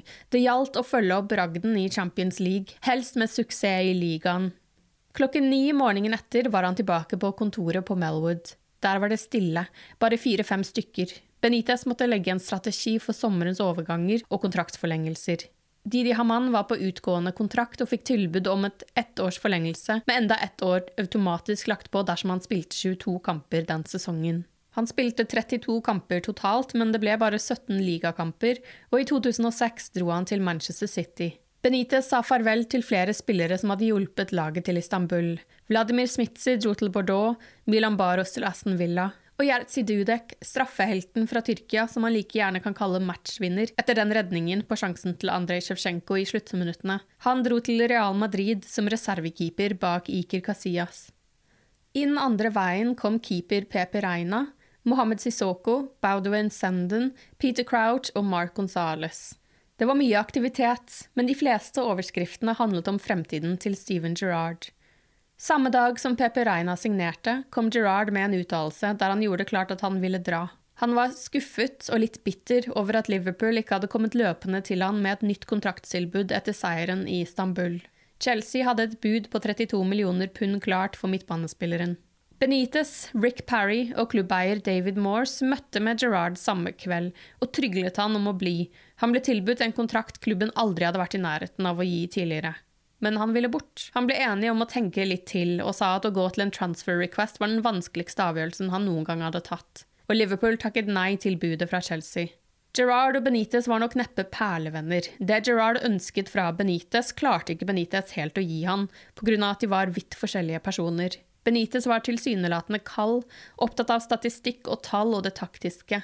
Det følelsesmessige aspektet var aldri en del av Benitez sin måte å være manager på. Immediately he comes back, or almost immediately he comes back and we come back to Liverpool in that summer of 2005. The whole Gerrard thing starts again, and much worse than it, than it had been before. Det sier forfatter og professor John Williams. We are beginning to learn something about Rafa that maybe uh, most people uh, didn't know. He's a technocrat. Let me let me put it like this: He's like the mirror opposite of of Jurgen Klopp. Jurgen Klopp is, by sentiment, an emotional manager. He wants to love his players. He wants his players to love him. Uh, he wants to generate this emotional bubble that all of his players buy into. He wants to know as much as possible about the players and, and their families. And indeed, when he signs players, he wants to check on their character and their background and everything about them because he feels that's what a manager should do. Uh, Rafa is the opposite of this. Rafa feels he should have no real connection with his players. He should manage them in a detached way, in a way that the real te- uh, technocrats do. And so when Gerard is after this wonderful Champions League triumph, when Gerard, who's a complex emotional guy himself, when Gerard sa- says effectively, I, you know, I'd like a bit of love and I'd like somebody to put their arm around me now and tell me how vital I am for Liverpool and how I must stay here. He gets nothing from Benitez. Benitez is bemused you know, effectively, what, what, what, what is he asking for? He's, he's an employee like I am, and he's a key player in the team. But why do I need to, to tell him I love him Uh, and to tell him how valuable he is? That's all Gerard wanted. He wanted to be embraced by a manager. He wanted, you know, as I say, he's emotionally complex and he wanted a manager to show some emotion. And Benitez couldn't and didn't see why he had to. Gerard just doesn't get Benitez, and Benitez doesn't get Gerard. Kaoset rundt Gerard var ingen hemmelighet. Det var godt rapportert i pressen, og noen Liverpool-supportere ble filmet mens de brant sine Gerard-drakter samme kveld som transfer-requesten ble kjent. Men dagen etter praten med Benitez, Parry og Moores kom plutselig helomvendingen. Gerard forandret mening. Nå ville han bli værende. Kort tid senere skåret han hat trick da Liverpool tok imot det semiprofesjonelle laget fra Wales, Total Network Solutions, i den første kvalifiseringsrunden til Champions League. Liverpool hadde kommet på en femteplass i Premier League i 2004-2005, og det var første gang Uefa havnet i knipa der den regjerende Champions League-mesteren ikke hadde kvalifisert seg til neste sesongs turnering gjennom hjemlig liga. Derfor måtte de gjøre et unntak i regelen og la den regjerende mesteren få muligheten til å forsvare tittelen. Og dermed ble det fem engelske lag i 2005-06-utgaven av Champions League. Det var en rar sesong. Liverpool tok skritt fremover i Premier League og endte på en tredjeplass. I Champions League var det litt verre. De ble danket ut av Benfica i åttedelsfinalen, og i ligacupen sa det stopp i den første runden de var involvert i. FA-cupen var dog litt annerledes. Benitez hadde blitt anklaget for å ha nedprioritert turneringen året før, men det kunne ingen si denne gangen. I semifinalen møtte de Chelsea igjen, Chelsea som de også hadde vært i samme gruppe med i Champions League. Liverpool vant 2-1 etter mål fra Jon Arne Riise og Luis Garcia, og José Mourinho sa ikke et ord til Benitez. I finalen på Millennium Stadium i Cardiff ventet Westham. Westham tok ledelsen i første omgang da Jamie Carriger skåret selvmål.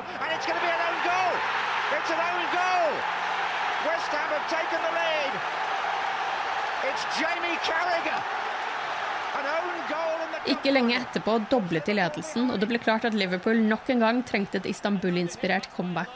Jibril Cissé reduserte før pause, og i det 54. minuttet satte Gerard ballen i krysset på en nydelig volley.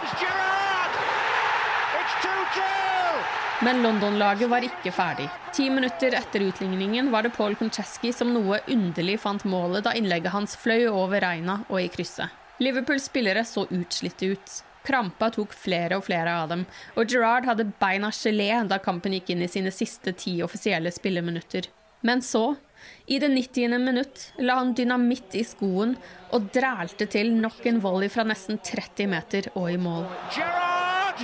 He's got it! Oh, Steven Gerrard! Just when he looked injured and out of it, has equalised for Liverpool. With 90 minutes gone, it's 3-3. Føttene mine var helt skjelvende, så jeg vet ikke helt hvor jeg tok energien fra, sa han selv etter kampen. 3-3 ved ordinær tid, og kampen gikk til ekstraomganger, som ble preget av slitne spillere. Og det endte målløst. Kampen måtte avgjøres på straffespark, akkurat som i Istanbul. Haman skåret på Liverpools første, og Reina reddet Bobby Samoras forsøk. Sami Hyppia fikk så sitt skudd reddet, og Teddy Sheringham skåret for Westham. Gerrard skåret, naturligvis, og Reina reddet Koncheskis forsøk. 2-1 etter tre runder. Jon Arne Riise skåret også, og på stillingen 3-1 så måtte Westham skåre. Men Reina stoppet Anton Ferdinands forsøk, og Liverpool vant sitt syvende FA-cuptrofé i kampen som bare kalles Gerrard-finalen. They have won the cup. Pepe Reina is the hero. Liverpool have won the FA Cup for the seventh time. They won the first final. Benitez var en kontrollfrik. På kontoret hans på Malwood var det hyller på hyller med DVD-er. Mange hundre timer med video, både av hans egne kamper og treninger, men også fotball fra hele verden. Noen videoer gikk tilbake til hans tid i Tenerife og Extremadura, og det var video fra kamper fra Sør-Amerika og Afrika. DVD-samlingen fortsatte hjemme i huset hans på Wirral, hvor han også hadde notatblokker fra tiden i Castilla og Real Madrid-akademiet, og oversikter over de forskjellige systemene han brukte i Extremadura og Valencia, og en analyse over hvordan de fungerte. Samlingen var også å finne på loftet til foreldrene i Madrid. Et lag som var godt representert i samlingen, var AC Milan-laget fra slutten av 80-tallet, ledet av Arigo Sacci, mannen som dypt inspirerte Minds-manager Wolfgang Frank, som i sin tid kunne inspirere Jørgen Klopp. AC Milan hadde som kjent vært motstander i finalen i Istanbul i 2005, og i 2007 møttes de nok en gang i Champions League-finalen i Aten. På veien til Aten hadde Liverpool bl.a. slått Barcelona 2-1 på Camp Nou. De reiste til Spania seks dager før kampen for en liten ferie og sosialisering, men alt skar seg da spillerne skulle synge karaoke, og Riise nektet å delta. Craig Bellamy tok dette dypt personlig, og de to havnet i munnhuggeri. Da de kom tilbake til hotellet, gikk Riise på rommet sitt. Det samme gjorde Bellamy, men Bellamy hentet en golfkølle og gikk til Riise sitt rom og slo han i beina og truet han. Benitez ble oppringt av hotellsjefen, og han måtte gå til de to kranglebøttene og be dem, spesielt Bellamy, roe seg ned. I Barcelona vant altså Liverpool 2-1, og de to målskårerne, det var Bellamy og Riise. Førstnevnte feiret ved å svinge på en imaginær golfkølle. I returoppgjøret på Anfield vant Barcelona 1-0, men Liverpool kunne likevel feire. De var videre på bortemål. På tribunen da satt kanskje to forundrede amerikanere. Tom Hicks og George Gillette var på sin første Liverpool-kamp etter at de hadde kjøpt klubben for 188 millioner pund i februar det året, altså 2007. And the Americans uh, initially are very clever. You know, they, they bring their families over, they say, we're going to do things in, in the Liverpool way, and we know exactly what's needed here. And I think people do feel, well, if if we have to be sold uh, and and local finance can't keep us going anymore. These are not these are not terrible people. Gareth Roberts er fotballjournalist og skribent, tidligere med Jan for Rap og nå med sin egen podkast The Late Challenge. Hicks and Gillette came in and sold it to us. They obviously sold it to the people at the club as well. But you know, us as fans, you know, we had no reason at that point to sort of be on alert and to not take things at face value. So you got these people turning up saying, that you know they're going to build a new ground. There's going to be a spade in the ground. You know, blah blah blah blah blah. You know all of these promises, and yet you just thought, well, okay, here we go. We're, we're off on a journey. Um, you know, the David Moore's, by his own admission, you know, it took us as far as he could as a as an owner, and felt that we needed investment from outside. And Det var Benitez sitt første møte med eierne, og det var et hyggelig møte, hvor spanjolen fikk et godt inntrykk av de to mennene som nå skulle fortelle han hvor mye penger han hadde å rutte med. Mer om dem senere. Nok en gang møtte Liverpool Chelsea i semifinalene, som begge endte med hver sin 1-0-seier, og oppgjøret måtte avgjøres på straffer. God knows we end up playing Chelsea again in the semifinals. You know, this keeps on coming up, and again Benitez gets the better of Mourinho, which of course everybody loves in Liverpool. Because Mourinho is touted as this great genius at uh, at Chelsea, but he can't seem to beat Rafa in these in these big games. Paul Christian Møller var en av grunnleggerne av supporterklubben tilbake i 1980. Da husker jeg bare sto og lo når, når de skulle ta straffen. Da var jeg 100% sikker på at Liverpool skulle vinne, og det gjorde de da for tredje gang på tre år med meg på tribunen. Så da følte jeg at jeg hadde lykken med meg. Nok en gang var det altså Liverpool som tok seg videre og skulle spille finalen i den greske hovedstaden. Akkurat som i Istanbul så var det litt problemer rundt stadion, men i Hellas var det en mer negativt ladet stemning. Gareth Roberts forteller. Athens was a, just a strange one. You know, obviously got lots of fond memories about Istanbul, fond memories about Dortmund as well. Um, but Athens was strange. Like everything about it was strange. The day was strange. Some of the, even some of the people that was teams to have like rocked up. I don't know. They weren't like they weren't I didn't feel like our usual crew. Like I didn't want to stay in that square in Athens like I did in Istanbul. I, I did slope off and went down some of the side streets because it just sort of didn't like the vibe of it. And then the ground itself wasn't great, wasn't suited to a, to a European Cup final. Uh, the organisation was terrible. The police were awful. Um, and you know, there's just a point with it really where you know I, I had a ticket like, and you know I, I was there legitimately, but you know there was there was times where you thought you might not get in.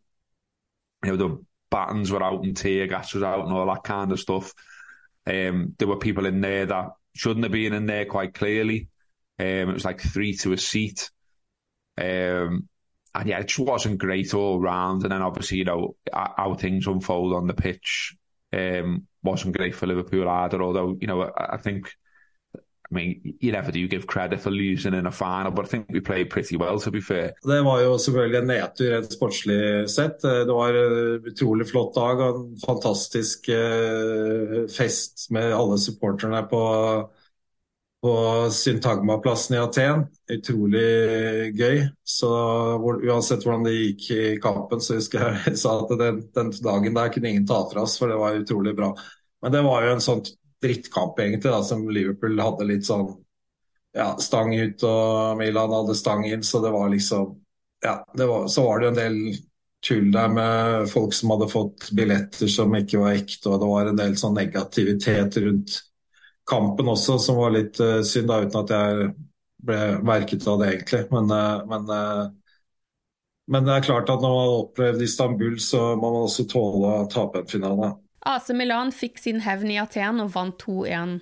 Liverpool hadde redusert helt på tampen av kampen og var i ferd med å bygge et angrep da dommeren blåste av kampen etter 2 minutter og 45 sekunders tilleggstid av det som skulle ha vært minst tre minutter. Benitez var mildt sagt irritert og kjeftet på dommeren, som marsjerte av banen og i garderoben. Liverpools supportere var naturligvis skuffet, men det er et klipp på YouTube som er helt legendarisk av Liverpool-supportere som danser gjennom gatene i Aten og synger om verdens beste midtbane med Shabi Alonso, Momo Sissoko, Gerard og Mascherano.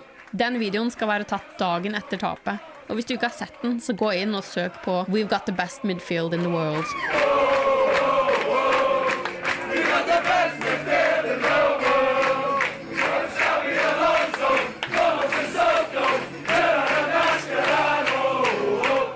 Liverpools nye eiere, Hicks og Gillette, var naturligvis til stede i Hellas. De nølte ikke med å erklære sine ambisjoner for neste sesong, og at de ville støtte Benitez med de midlene han trengte for å få de spillerne han ønsket, og som klubben trengte for å kunne utfordre nok en gang neste sesong.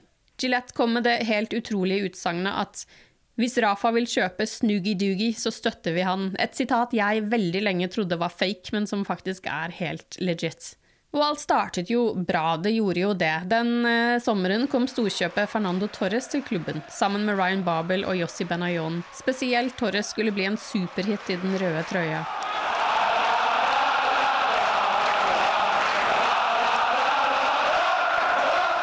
Torres is looking like, or is argued to be, that, that kind of final piece of the jigsaw that, that, that Benitez needs to really produce a, a championship uh, a capable team. We always say about um, players where they need like this settling in period, but not not not for Fernando. Like he was, um, you know, he, he, he just seems to hit the ground running from day day one. And you know what I loved about him, obviously one of the best strikers I think that's played for us certainly in the modern era. The link up with Stevie w- w- was unbelievable. But I always liked about him beyond his ability to score unbelievable goals and all different types of goals I, I loved the, the, the, like the needle in him, the fire in him.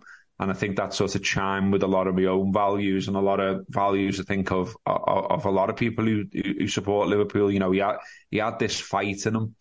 Um, and you know, you think about some of his early goals where you know, he's holding off the Chelsea defender and, and puts it in the corner. I think, you know, I think we played Redden and he was getting a bit of a kicking off some of their centre halves and then he made the show with them as well. And he, he just had that in him, he had that fire in him. Men i november 2007 begynte det å skjære seg på bakrommet. Benitez og eierne var uenige om planene for overgangsvinduet i januar 2008. Han mente at de ikke forsto noen ting av europeisk fotball. Det la han heller ikke skjul på i møte med supporterklubbens Paul Christian Møller da Liverpool spilte kamp i Norge sommeren 2008. Ja, altså jeg hadde gleden av å, å bli kjent med David Morse, som uh, var styreformann og han som eide klubben før. Og han mente jo at han ikke hadde den økonomiske styrken til å kunne løfte Liverpool det siste hakket da, som var nødvendig. Så han solgte jo klubben egentlig mot sin vilje. Men han, han gjorde det han mente var riktig, men det, det, det var uh, vondt for han å, å, selge klubben sin. Og enda verre ble det jo selvfølgelig pga. at det gikk som det gikk. Og jeg traff også David Morse uh, noen år etterpå, hvor det liksom var uh, veldig ille med de amerikanske eierne. og var, Han var jo fryktelig lei seg for det som hadde skjedd. og det var jo ja, det, det, var, det, var, uh, det, var, vondt å se på han, for han fikk også på en måte veldig mye kjeft da, for at han hadde solgt bort Liverpool.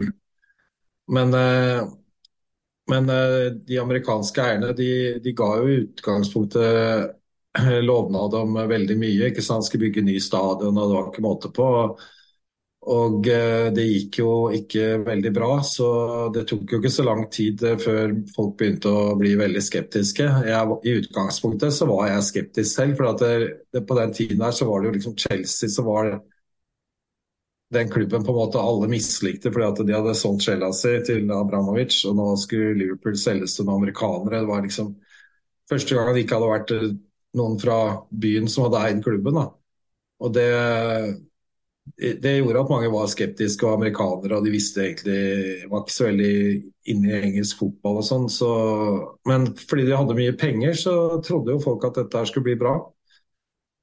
Eh, det gjorde vel sikkert Benitez også, men det var jo etter en stund så kom det jo tydelig fram at det der var, eh, ble det et veldig konfliktfylt eh, forhold. Og eh, Jeg traff Benitez et par ganger bare sånn veldig kort når Liverpool spilte i Norge treningskamp på sommeren.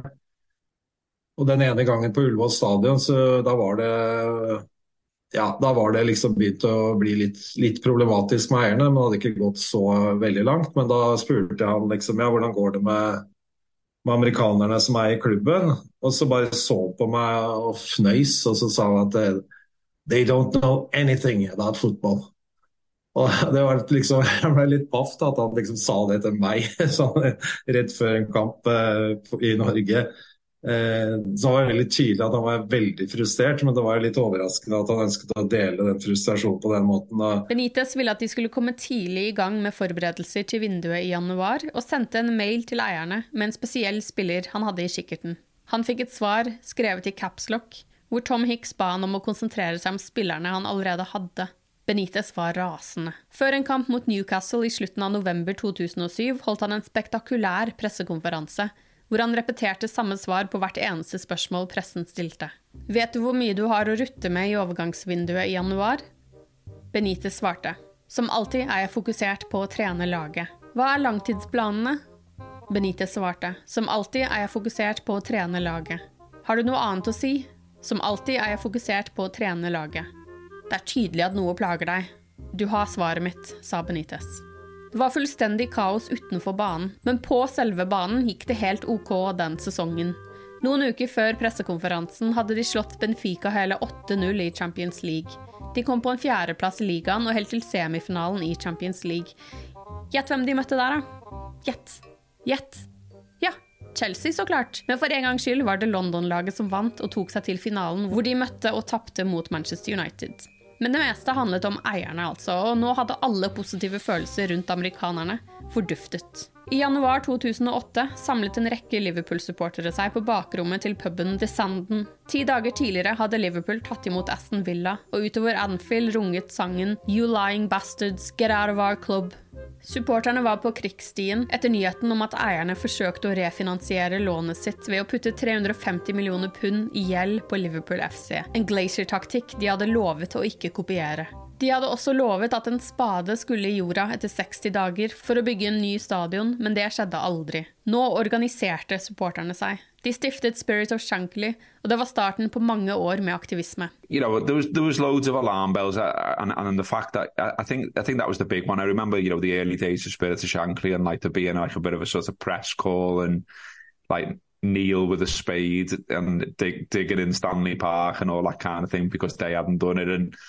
I think I think football look football fans aren't daft. You know, when when people do the broad brush thing about football fans, you know, it always seems to be there's a lot of negativity about that group of people, but that group of people is very diverse. And as we saw in those days, you know, it includes people who are, you know, solicitors or, or you know, barristers or whatever you want. It includes people in every profession. And, you know, we were able to all come together very quickly, see what was going on, and very quickly say, we're absolutely opposed to what you're doing to our football club and we want you gone. Deres første organiserte protest kom etter Middlesbrough-kampen i februar 2008, da de hadde fått nyss om at Tom Hicks jr. skulle være til stede.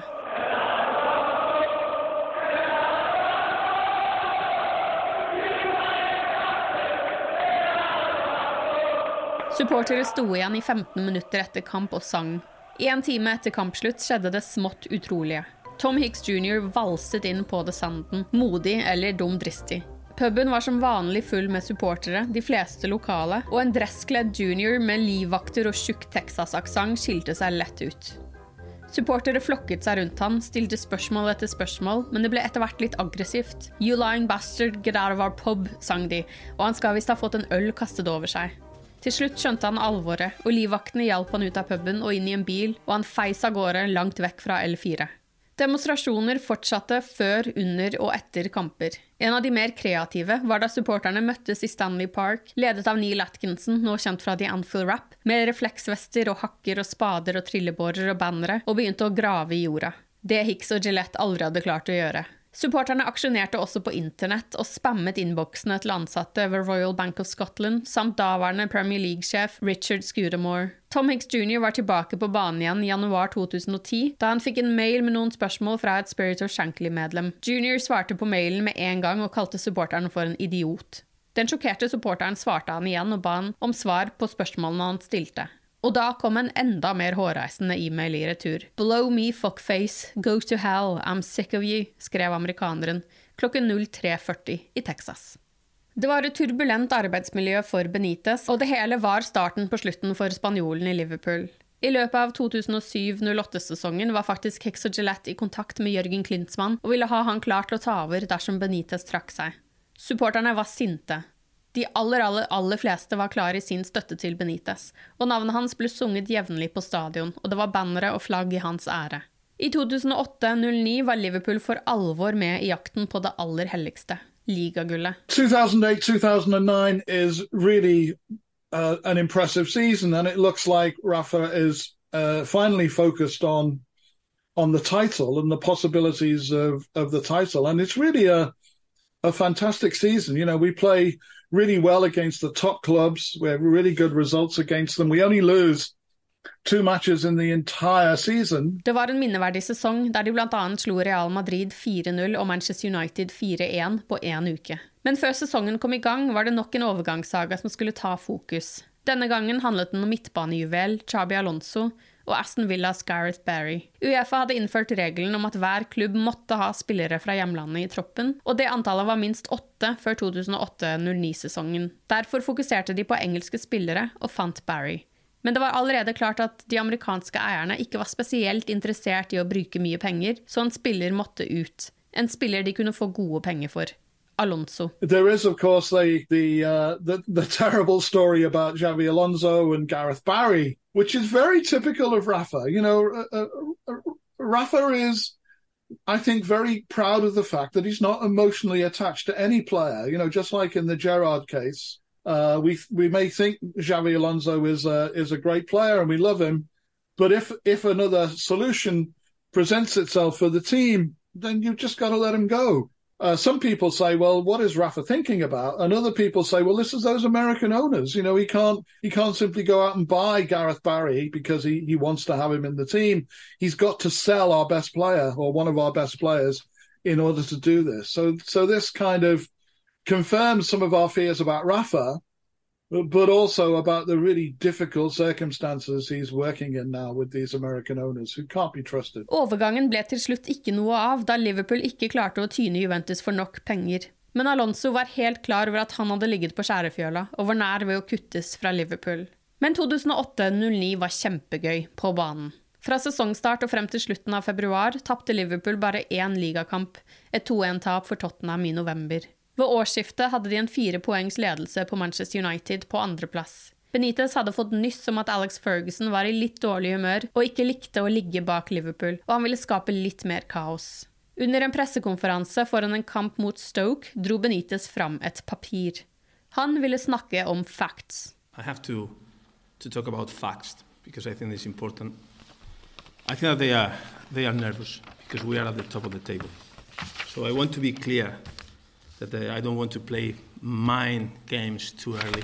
I think that they want to start. So I was taking some facts, and then it will be easy to talk about this.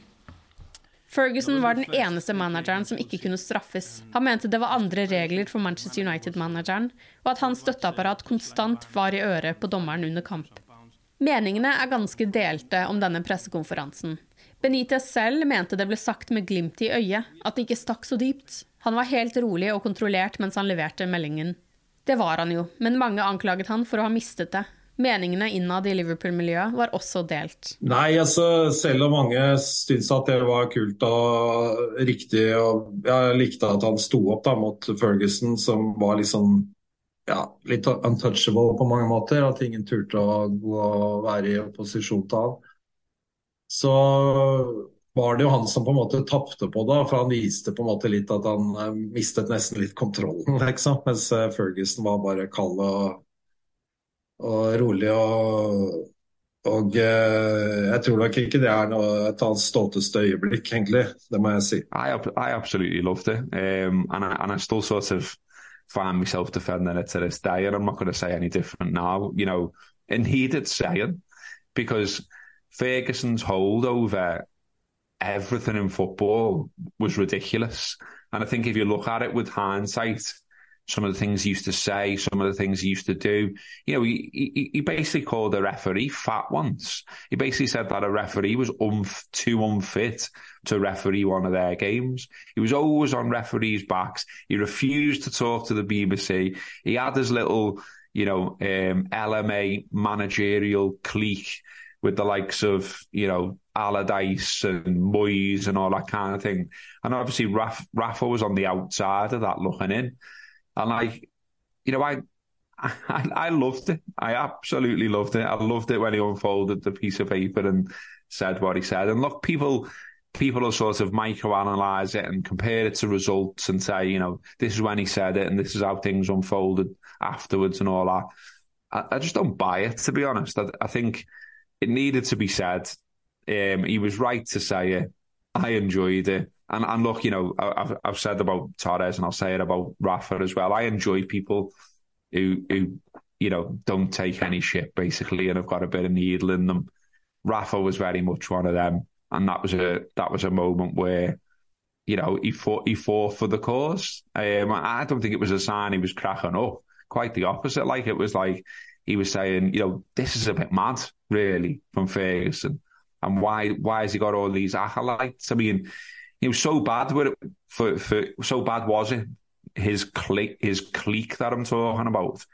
We we ended up having one of his acolytes as our manager in Roy Hodgson. And when he had to go at one of our players, Hodgson backed him. When he, you know, how how mad is that in hindsight in terms of Torres? He said he said Torres was diving and Hodgson basically backed Alex Ferguson. So yeah, to have someone stand up against them after how he'd acted over a long period of time, I absolutely loved it. I februar kom altså Real Madrid på besøk i åttedelsfinalen i Champions League. Liverpool vant 1-0 i Madrid og var helt fenomenale i returoppgjøret på Anfield.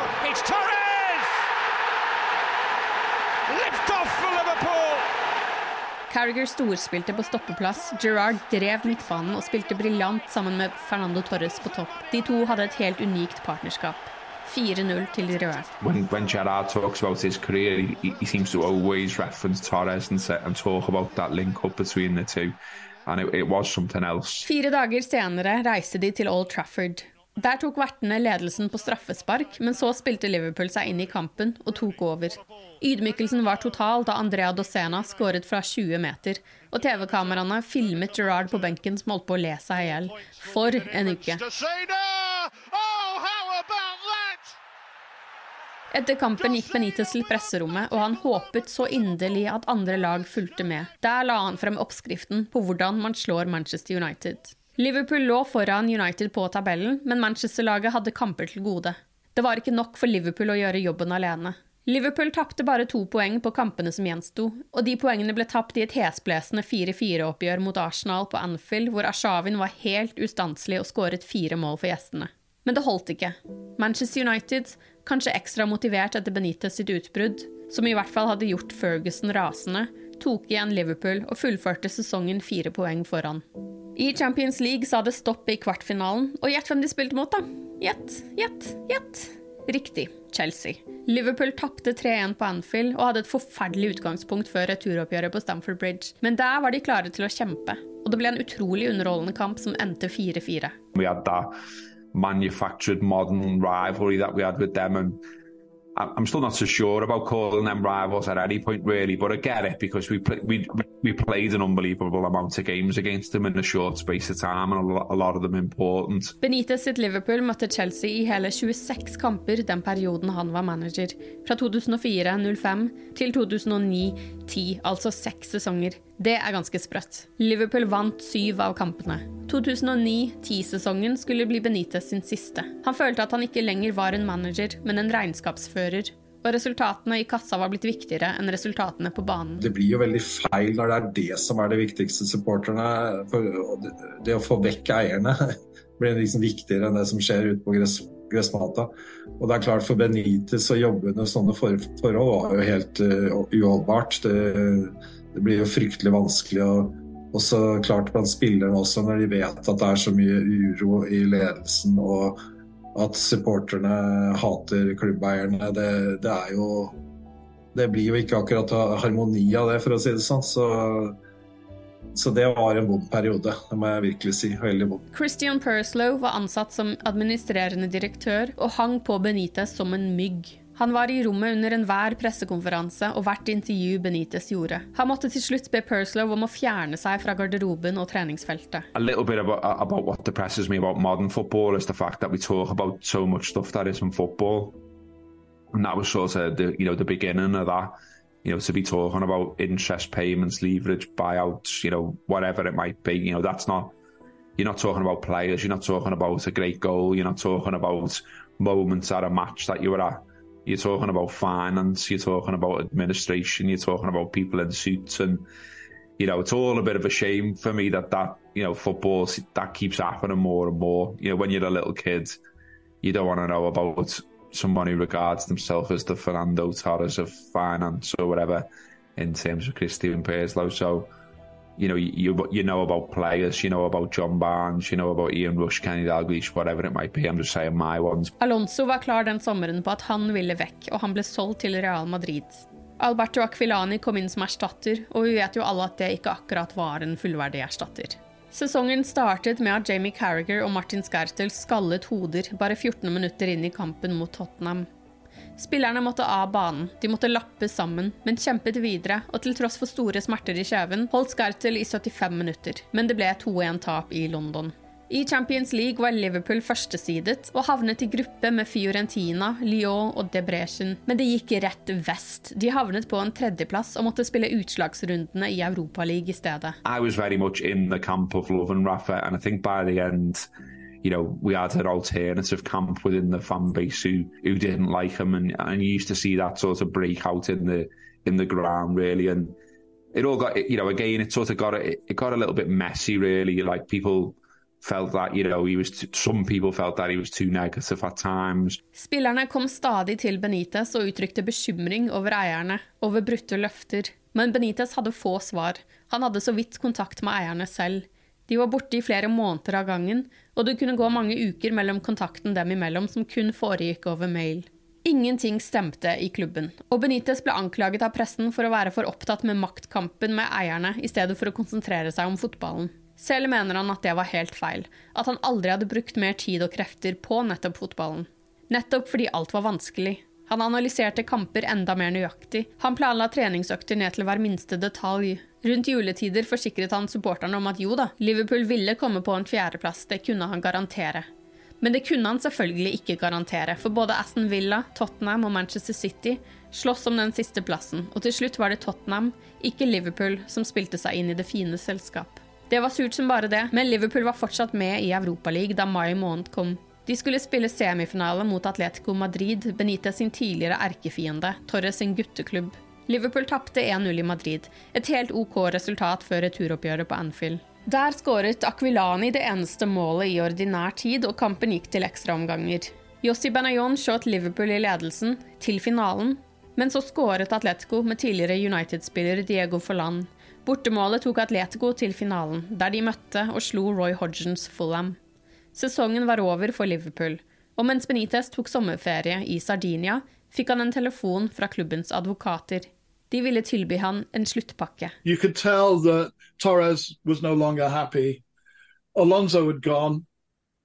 Uh, Gerard had said, you know, when Alonso when Alonso went, the the, the heart went out of the uh, went out of the team. Uh, in the end, Benitez had to go. Benitez var skuffet og han var lei seg, men han mente det hele var en bekreftelse på at klubben han hadde kommet til og blitt så glad i, ikke lenger var den samme. Den hadde blitt en ren business, ikke lenger en fotballklubb. Han var misfornøyd med utfallet, men valgte å ikke kjempe noen kamp med klubben, og ville heller ikke presse dem økonomisk, da han visste hvor dårlig det sto til.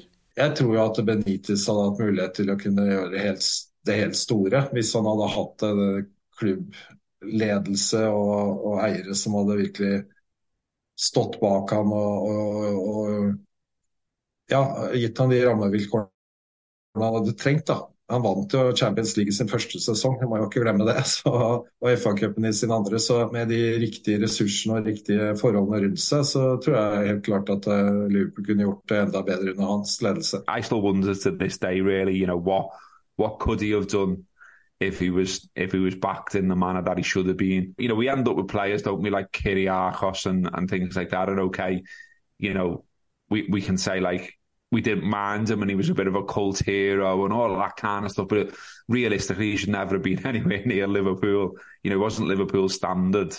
But, you know, that was where it got to the stage where, you know, that was where Liverpool had to go shopping for, for, for players because of the situation they were in financially. And yeah, you know, that should never have been allowed to happen. An owner shouldn't come in and be able to just put the debts of their purchase on the club to what the Glazers have done at Manchester United as well.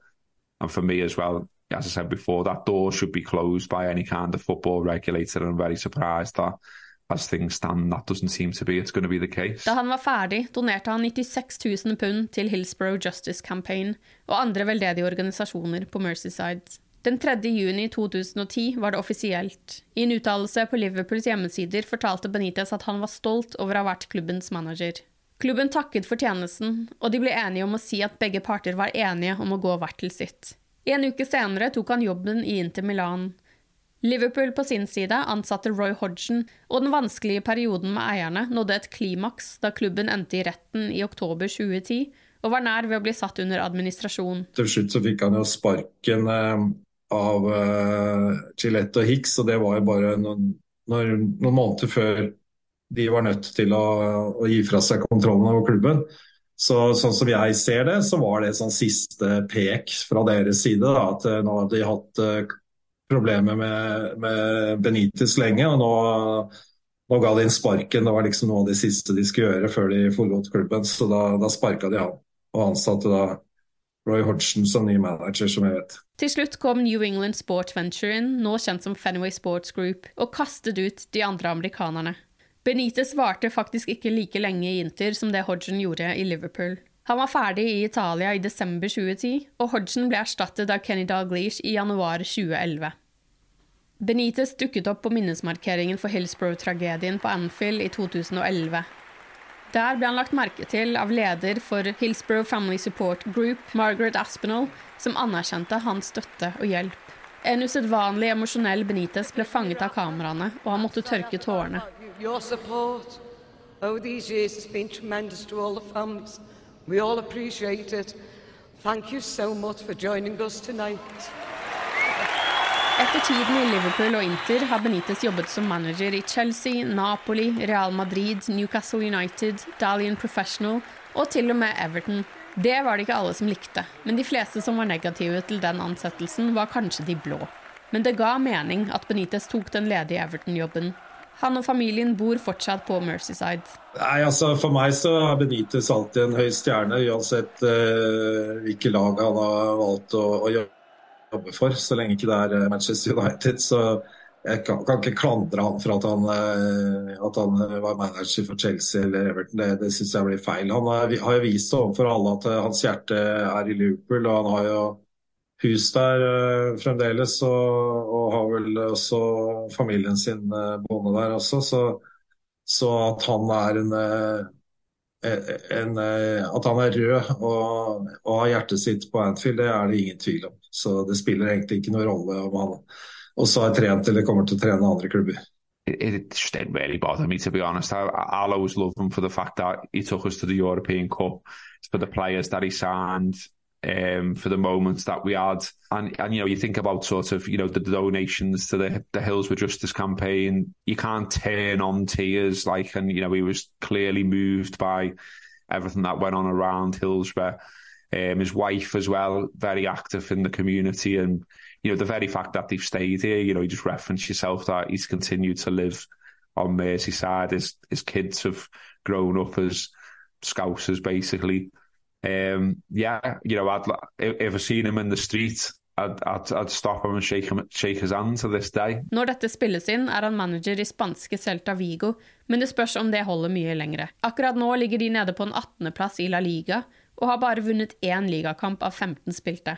Kona Montse er igjen på The World, hvor hun driver en veldedig organisasjon, og barna har blitt voksne og skausere. Liverpool er hjemmet til Benitez-familien. Uansett hvor far Rafa drar, er det Liverpool han vil vende hjem til. Og Liverpool holder han høyt i hjertene sine. Rafa, som tok Liverpool til toppen av europeisk fotball, som kjempet supporternes kamp mot eierne, som satt Alex Ferguson på plass. Rafa, den beste importen siden poteten. The best word I can say, but uh, will describe this was boom. Woo! What was this? It was really good.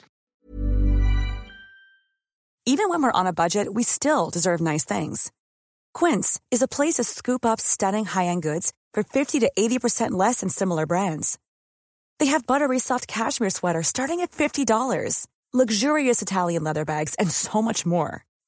Plus. Quince only works with factories that use safe, ethical, and responsible manufacturing. Get the high-end goods you'll love without the high price tag with Quince. Go to quince.com/style for free shipping and 365-day returns.